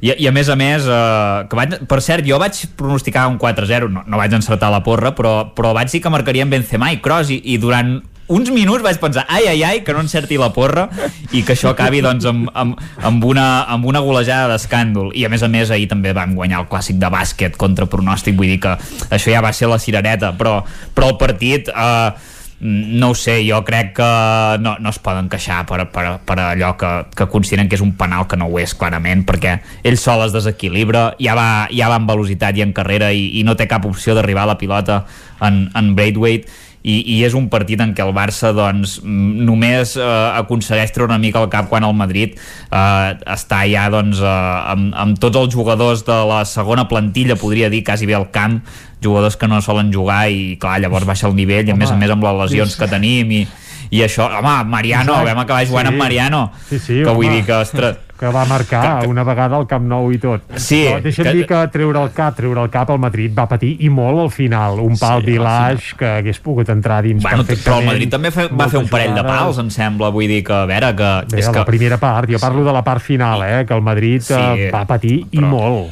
per mantenir el resultat, eh?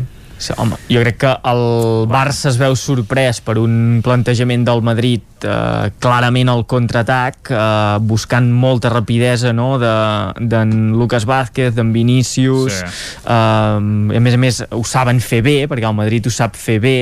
Verde també. En Home, la possessió Valverde. va ser del Barça tot Sí, el sí. partit, eh? El Madrid pràcticament Sí, sí. renunciava a la pilota. De totes maneres, ja us, eh, amb un ja us la 70 donem, la possessió. amb un 70-30 guanya el, el que en té el, el sí, 30, sí. eh? No, no, perquè els Sí, hi va sí. sortir molt bé. Jo aquí sí que la primera meitat de Zidane jo crec que eh, és un encert i que en Koeman mantenir no, aquesta defensa amb els, amb els tres centrals, amb, amb els carrilers, doncs eh, potser no li va acabar d'anar bé. Li havia anat bé fins ara, però davant d'un equip que és tan perillós al contraatac, doncs eh, no li va anar bé i es va veure la segona part no? que va reforçar més eh, la zona de, del mig del camp o de mig en endavant amb l'entrada d'en Griezmann i, i va guanyar eh, més capacitat de frenar aquests, aquests contraatacs i ara el regust és molt dolç Isaac, però sí que és veritat que en el tram final de partit no devies estar tranquil n'estic segur que no estaves eh, tranquil i que aquell travesser de, de l'Iliaix doncs eh, Sí, sí. ho va fer tremolar Però bueno, però- ho va fer tremolar tot Però, però la flor ahir, plovia molt i estava molt regada i la flor no es Flor pot sí, eh? sí, sí. Clar, home, i No, llavors... la ahir- flor al cul avui l'han posat, deixa'm-ho dir, els pelat i pelut, eh? un grup de rumba, però clar, el Madrid sí que una mica aquesta setmana sembla I, que li ha aparegut sí, de nou. Eh? i que també és la, la gràcia del futbol, no? que a vegades fer sentències eh, és, és complicat Exacte. en el futbol, perquè fa dos mesos jo crec que ni Barça ni Madrid es podien imaginar um, estar lluitant per uh, Lliga i Copa en el cas del Barça o Champions i Lliga en el cas del Madrid i ara hi ha aquest escenari sí que és veritat que ara el Barça ha perdut pistonada però jo crec que queden 8 jornades i mm, tot és, tot és possible. Sí que el Barça té aquesta pedra en el camí que serà important com és l'Atlético de Madrid, em, que el Madrid potser té un calendari una mica més eh, còmode, però haurà de combinar també amb la, amb la Champions. Podeu regalar la Lliga no al Madrid, eh, si guanyeu l'Atlètic. Ja, ja, clar, però què has de fer? I si... Sí, i si- però jo, és... jo crec que el millor seria un empat aquell dia, eh? també en funció de com vagin una mica els partits, perquè Ja. jo crec que el Madrid pot ser que guanyi bastants dels partits que li queden, Però per tots no dir, no. per no dir gairebé tots. Home, tampoc té partits ga- gaire complicats, en el sentit de que molts eh, són a fora de casa contra equips de teòricament més fluixos, Sí, que li que ha passa anat millor potser que Valdebebas.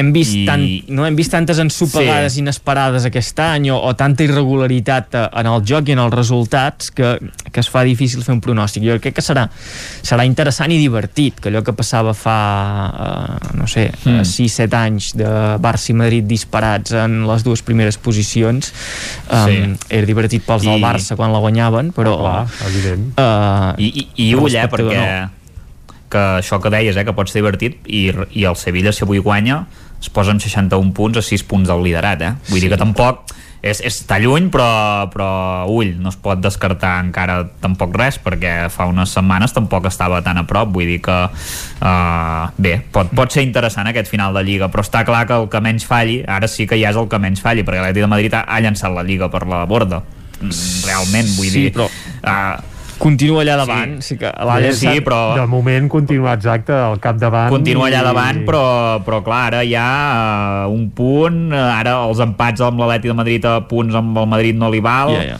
amb el Barça depèn com li vagi tampoc li val vull dir que Uh, bueno, veurem uh, jo mm, encara queden, ja et dic, queden aquests 8 partits i, i el Madrid em sembla que només ha de visitar Sant Mamés així una mica complicat i poca cosa més, eh? i no sé si rep el Villarreal a casa però, però el Villarreal tampoc està sent un equip que acabi de funcionar del tot bé vull dir que segurament uh, és el que té el calendari més fàcil per, Sí. per el sol fet que l'Atleti de Madrid juga contra el Barça, eh? només que l'Atleti de Madrid també el té bastant facilet. Eh? Deixa'm dir, Isaac, que el Madrid precisament aquest any s'ha caracteritzat per perdre més punts amb equips de la part baixa que no pas de la part alta i parlant Sí, de la sí, part però- alta el Sevilla també us ha de visitar encara, eh, a casa però això, però això ho deia perquè el Madrid ha perdut aquests punts eh, de local, ha perdut contra el Cádiz i l'Alavés de, de local, a l'Aldebebas i en canvi el camp de l'Alavés va guanyar una 4 i ara per exemple visitarem el camp del Cádiz vull dir que potser amb aquests equips els, li va millor jugar fora de casa que no pas jugar a casa, en canvi contra els equips grans és igual on jugui, els guanya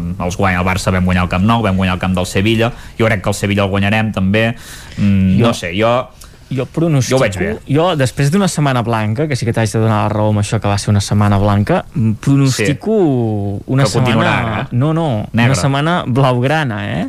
Perquè, sí, sí, bueno, sí. clar, és que no n'hem parlat Ara- del que ve, eh? hem parlat del que ha passat, també parlarem del que ve avui a la tertúlia del Territori 17, perquè dissabte que ve, final de Copa entre el Barça i l'Atlètic de Bilbao, eh? Sí, hi ha una final de, de Copa. Final, un- per cert, sense públic, per tant, el Borbó potser s'estalviarà l'habitual xiulada, però vaja, el partit, un cop arrenqui i se senti l'himne espanyol, doncs se suposa que serà interessant. M'hauria agradat veure què, què passava a la final que ens va jugar l'altre dia. dels dos equips bascos amb, amb el Borbó, vull dir, eh? Vull dir que... sí, Home, jo crec que també hagués tingut una rebuda Amb 15 fantàstica. dies al Borbó. Eh, Li hagués agafat alguna cosa, eh? Jo, jo crec que el, el que està més content d'aquestes dues finals sense Sí. públic deu ser ell. precisament. segur, segur, Sí, que, hi va anar-hi, per cert. Eh? Oh, i tant, sí, sí, i suposo, i dissabte sembla que Sí. també hi serà, eh? Presidint Que té tela, el que no hi poden- De totes maneres, anar. Nosaltres no hi podem anar, però ells sí. És que tots som iguals, Isaac, això... De totes maneres... Bueno, jo no hi voldria anar igualment, eh? Va, tu, tu no, però, però vaja, com aficionat al futbol, si t'ho regalessin hi aniries, no? Com han canviat les coses per, Bueno, pels culers, eh? és que saps què passa? Que l'Atlètic de Bilbao i el Barça probablement són els dos equips que odio més de la categoria. Sí. Llavors, Ara, ostres, em costaria bastant, eh? Sí, sí, jo anava amb la Real Societat l'altre dia, clarament, eh? Vull dir, això sempre, eh? Sempre. Sí, jo, jo, anava, que- jo també anava amb la Real Societat pensant que el Bilbao ja tindria la seva oportunitat. no? Clar, I llavors, ja eh, primer guanya la Real i després guanya el Bilbao. I Sí, no està clar que... perfecte.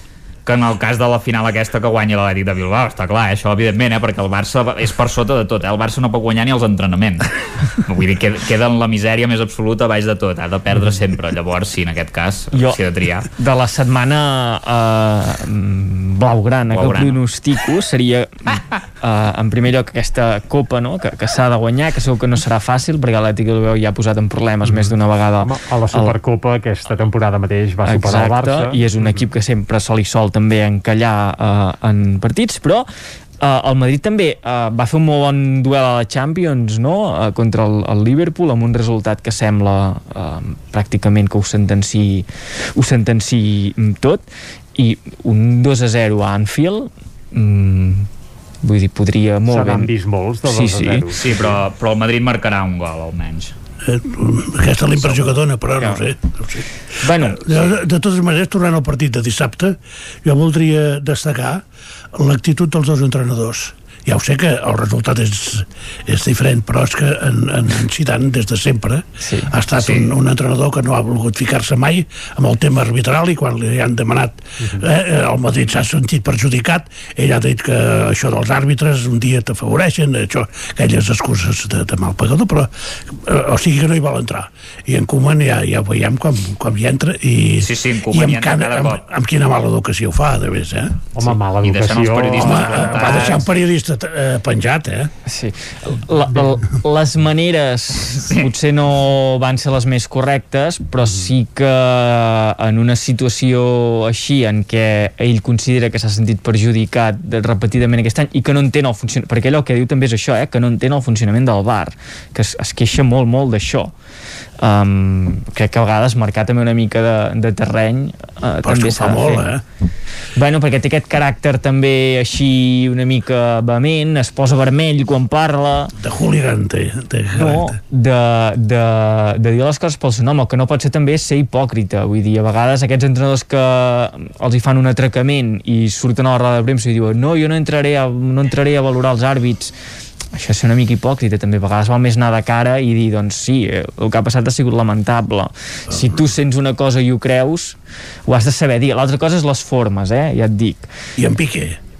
Bueno, Piqué fa la seva feina Sí. Quina és la ¿Cuántos seva quieres, La Dani? seva feina és ¿Cuántos fer de veterano. El que faria Sergio Ramos si hagués estat a la gespa. Exacte. Vull dir, no, és així. Però què pretén? Que l'àrbitre digui no, ara eh, farem 3 minuts, ja, ja ha xiulat al final, sí. ara farem 3 minuts més perquè en Piqué m'ho demana. No, però que en sigui conscient i que en deixi deixar constància d'una queixa, que, que allà ha passat una cosa que estem en desacord. Això és quan tu vas a comprar un producte i no t'acaba de sortir bé. Home, ja que el van convocar almenys que aparegui Sí, a la foto. segons a la foto i Fes-ho encara que sortirà. acabat el partit. Fes-ho dintre del vestidor, però no, Sí, no sí. surtis al camp. I home, ja ho va fer És dins que- del vestidor, es veu també. és que eh? em fa gràcia, això, és que vam vaja, uh, El mateix, el mateix delegat el va haver de, dir- li va haver de dir que, que què estaves fent allà. Sí. No, però també uh, la plantilla del Barça aquest, uh, aquest dissabte també era jove, una mitjana crec de 23 anys i mig, em sembla, oh, la, pla- la mitjana d'edat del I què té Barça. a veure això amb en Piqué? No, que a vegades a l'hora d'anar a protestar l'àrbit o d'anar a marcar una mica el terreny en els eh, col·legiats de que es miren una jugada o no, si no hi ha una persona així al camp es nota i Sí, si clar, no... i ha de- Digues, digues, Isaac. No, no, que això que dius, que per exemple hi havia Messi, que se suposa que és el capità de Sí, l'equip però- i això, i, i es notava que allò de pecho frío tam... Uh, de protestar no, no acaba de protestar gaire. Ho, No, ho dic en el de doble fred sí sentit, que eh, que, el, passar, que ho que el dius, pobret tenia molt de fred i i, tot, i li van i el petxo el tenia frio, clarament, eh? Sí, sí. Clar, és que el camp també uh, va acabar sent gairebé impracticable, eh? L'aiguat que va caure, Sí. evidentment va afectar i força en el, bé, en el normal disputar Sí, d'un sí. partit i va afectar força més al Barça que no pas al Madrid. De totes maneres, El Madrid congela el Barça, sí, sí. de, de totes maneres, fa 10 anys el partit no sé si s'hauria acabat. Ja. Amb, amb, el tipus, amb el tipus de, de, de drenatge que tenen ara els camps, eh, jo no sé si s'hauria acabat, eh, perquè va caure una quantitat d'aigua com per fer bassals Sí, i no sí. permetre El jugar. Bernabéu- Segurament el el Bernabéu sí que Bernabéu s'acabarà el de fa 15 anys eh, aquest partit no s'acaba. Jo, Però el de, l'any que ve segur que s'acabarà. Sí, perquè tenim un tancarem l'estadi. eh? Uh -huh. Sí, tancarem l'estadi ja no, ja no hi haurà Clar, és veritat. Ah, esclar. Tapen el vàter i ja, ja pot anar plovent, que, sí, sí, que tindran paraigües No, home, el, el, automàtics. el, el terrat retràctil, que, que també és- està molt guai, home. Home, i a Madrid això ja fa falta no solament per l'aigua, sinó pel fred. Vull dir que de... Sí, exacte. Exacte. I ja s'hauran acabat les obres fins la pròxima final de Copa del Rei. Això de les obres de, del Bernabéu és la, és la Sagrada Família gairebé, eh? que no, no acaben sí. de tenir mai data de finalització. Però la jugada mestra de, de diguem, d'organització i gestió del Madrid en aquest Exacte. aspecte és realment per aplaudir, eh? Perquè en un any en què no han pogut omplir l'estadi, que no han tingut diguem, els beneficis de ticketing i de, de que suposa tot plegat uh, de, No, no, en aquest camp com el Bernabéu i la despesa afortunat. que suposa també engegar un, un camp de les dimensions del Bernabéu o del Camp Nou mm, els hi ha anat perfecte en un any eh, en blanc eh, sense públic, sense poder recaptar aquests diners, se'n van a Valdebebas que també els hi suposa menys despesa i l'any que ve que desitgem que estiguem ja tots vacunats 20 vegades i immunitzats doncs eh, podran gaudir d'un estadi de, de Jo primer no sé si nivell. Florentino es pensava que això duraria tant, eh, però Ja. perquè al principi, ostres, sí. eh, si ens diuen heu d'esperar un any... Ah, no, clar, eh, tots pensàvem això un mes, després Sí. dius, va, l'estiu ja estarà, però, però clar, sí que segurament va, passar, va pensar en uns mesos i li ha acabat sortint més bé del que segurament Sí, sí. podia imaginar Portem una lliga i mitja jugant a Valdebebas, eh? que això està bé. Sí, sí, vull dir que això ho trobo fantàstic, com trobo absurdes les declaracions de l'entrenador de Liverpool dient que en aquell camp no s'hi podia jugar perquè és un camp d'entrenament. Aviam, el terreny de joc Sí, de fet va ser un entrenament, eh, el que vam fer una mica, ja, ja es va veure, eh? va ser un entrenament, perquè aquella gent, hòstia, no acabaven de- de- de- d'anar a tope, no? Que es notava que, que anaven en un entrenament. Veurem, veurem ara què passa en el, en el segon partit, veurem si és un entrenament també. Ho veurem. acabe- po- Eh, Isaac, abans de... Sí, sí, Sí, sí, deixa'm que et talli perquè som a la recta Perdó, final. perdó. Vull tenir un minutet també per parlar de l'Espanyol, que sembla que es consolida la primera posició de la segona divisió, però abans un últim apunt del Barça, i és que en Koeman, des que el Barça sembla que entre cometes juga millor, ha consolidat aquest darrere amb tres centrals i, home, jo el futur del Barça evidentment no el veig amb tres centrals i amb aquest dibuix tàctic perquè em semblaria gairebé una traïció el famós model Barça però us ho vull plantejar a vosaltres vosaltres creieu que aquest plantejament amb el qual s'ha consolidat darrerament el Barça amb tres centrals al darrere té futur això? Jo crec que són, són recursos eh, tàctics per un determinat moment de la temporada que en, en un temps concret eh, et funciona de, de desembossador, de sorprendre el rival, però jo crec que no és el, la, el sistema de joc que consolidarà el Barça, que s'ha fet servir durant unes jornades, ha sortit bé, però que, per exemple, ja hem vist ara que davant d'un rival amb, amb capacitat de, de respondre, de fer canvis, de, de jugadors de molta qualitat, no ha funcionat i al tornar al que sí que és, diguem, l'essència del Barça, aquest 4-3-3, les coses es van igualar. Jo crec que ha sigut un recurs que ha funcionat, que pot tornar a funcionar fins a final de temporada en determinats moments, però que no ha arribat per, per quedar-se. La primera part del camp del Madrid ho demostra. Sí, sí, que... Està claríssim. Sobretot això, equips que, que t'han analitzat molt a fons i que tenen jugadors per eh, fer-te mal al contraatac, aquest eh, aspecte et pot, eh, o aquest sistema et pot, et pot fer mal. A més a més, això, pilotes a l'esquena, hi ha d'haver molta coordinació, els carrilers que pugen, quan pugen tant, deixen desprotegits els centrals i a vegades els centrals n'hi ha que pateixen, no?, anant enrere, que ho han de fer molt en, en aquest sistema jo crec que no, no ha arribat per quedar-se sinó que serà un recurs més com n'hem vist altres altres temporades, el 4-4-2 amb en Valverde, no? hi va haver-hi durant una època o variacions del 4-3-3 però crec que el Barça se seguirà basant en, en el 4-3-3 I en Piqué, que no és jove, tampoc li va bé aquest sistema. No, no. Clar, No. Molt bé, fet aquest apunt tàctic que us volia plantejar aquí, parlem una mica de l'Espanyol, Lluís, perquè sembla que aquestes darreres jornades heu posat la directa cap a primera divisió de nou, hi havia hagut uns quants sotracs a eh, mig camí, però últimament eh, la cosa ha canviat, eh? Veus l'Espanyol ja a primera, sí?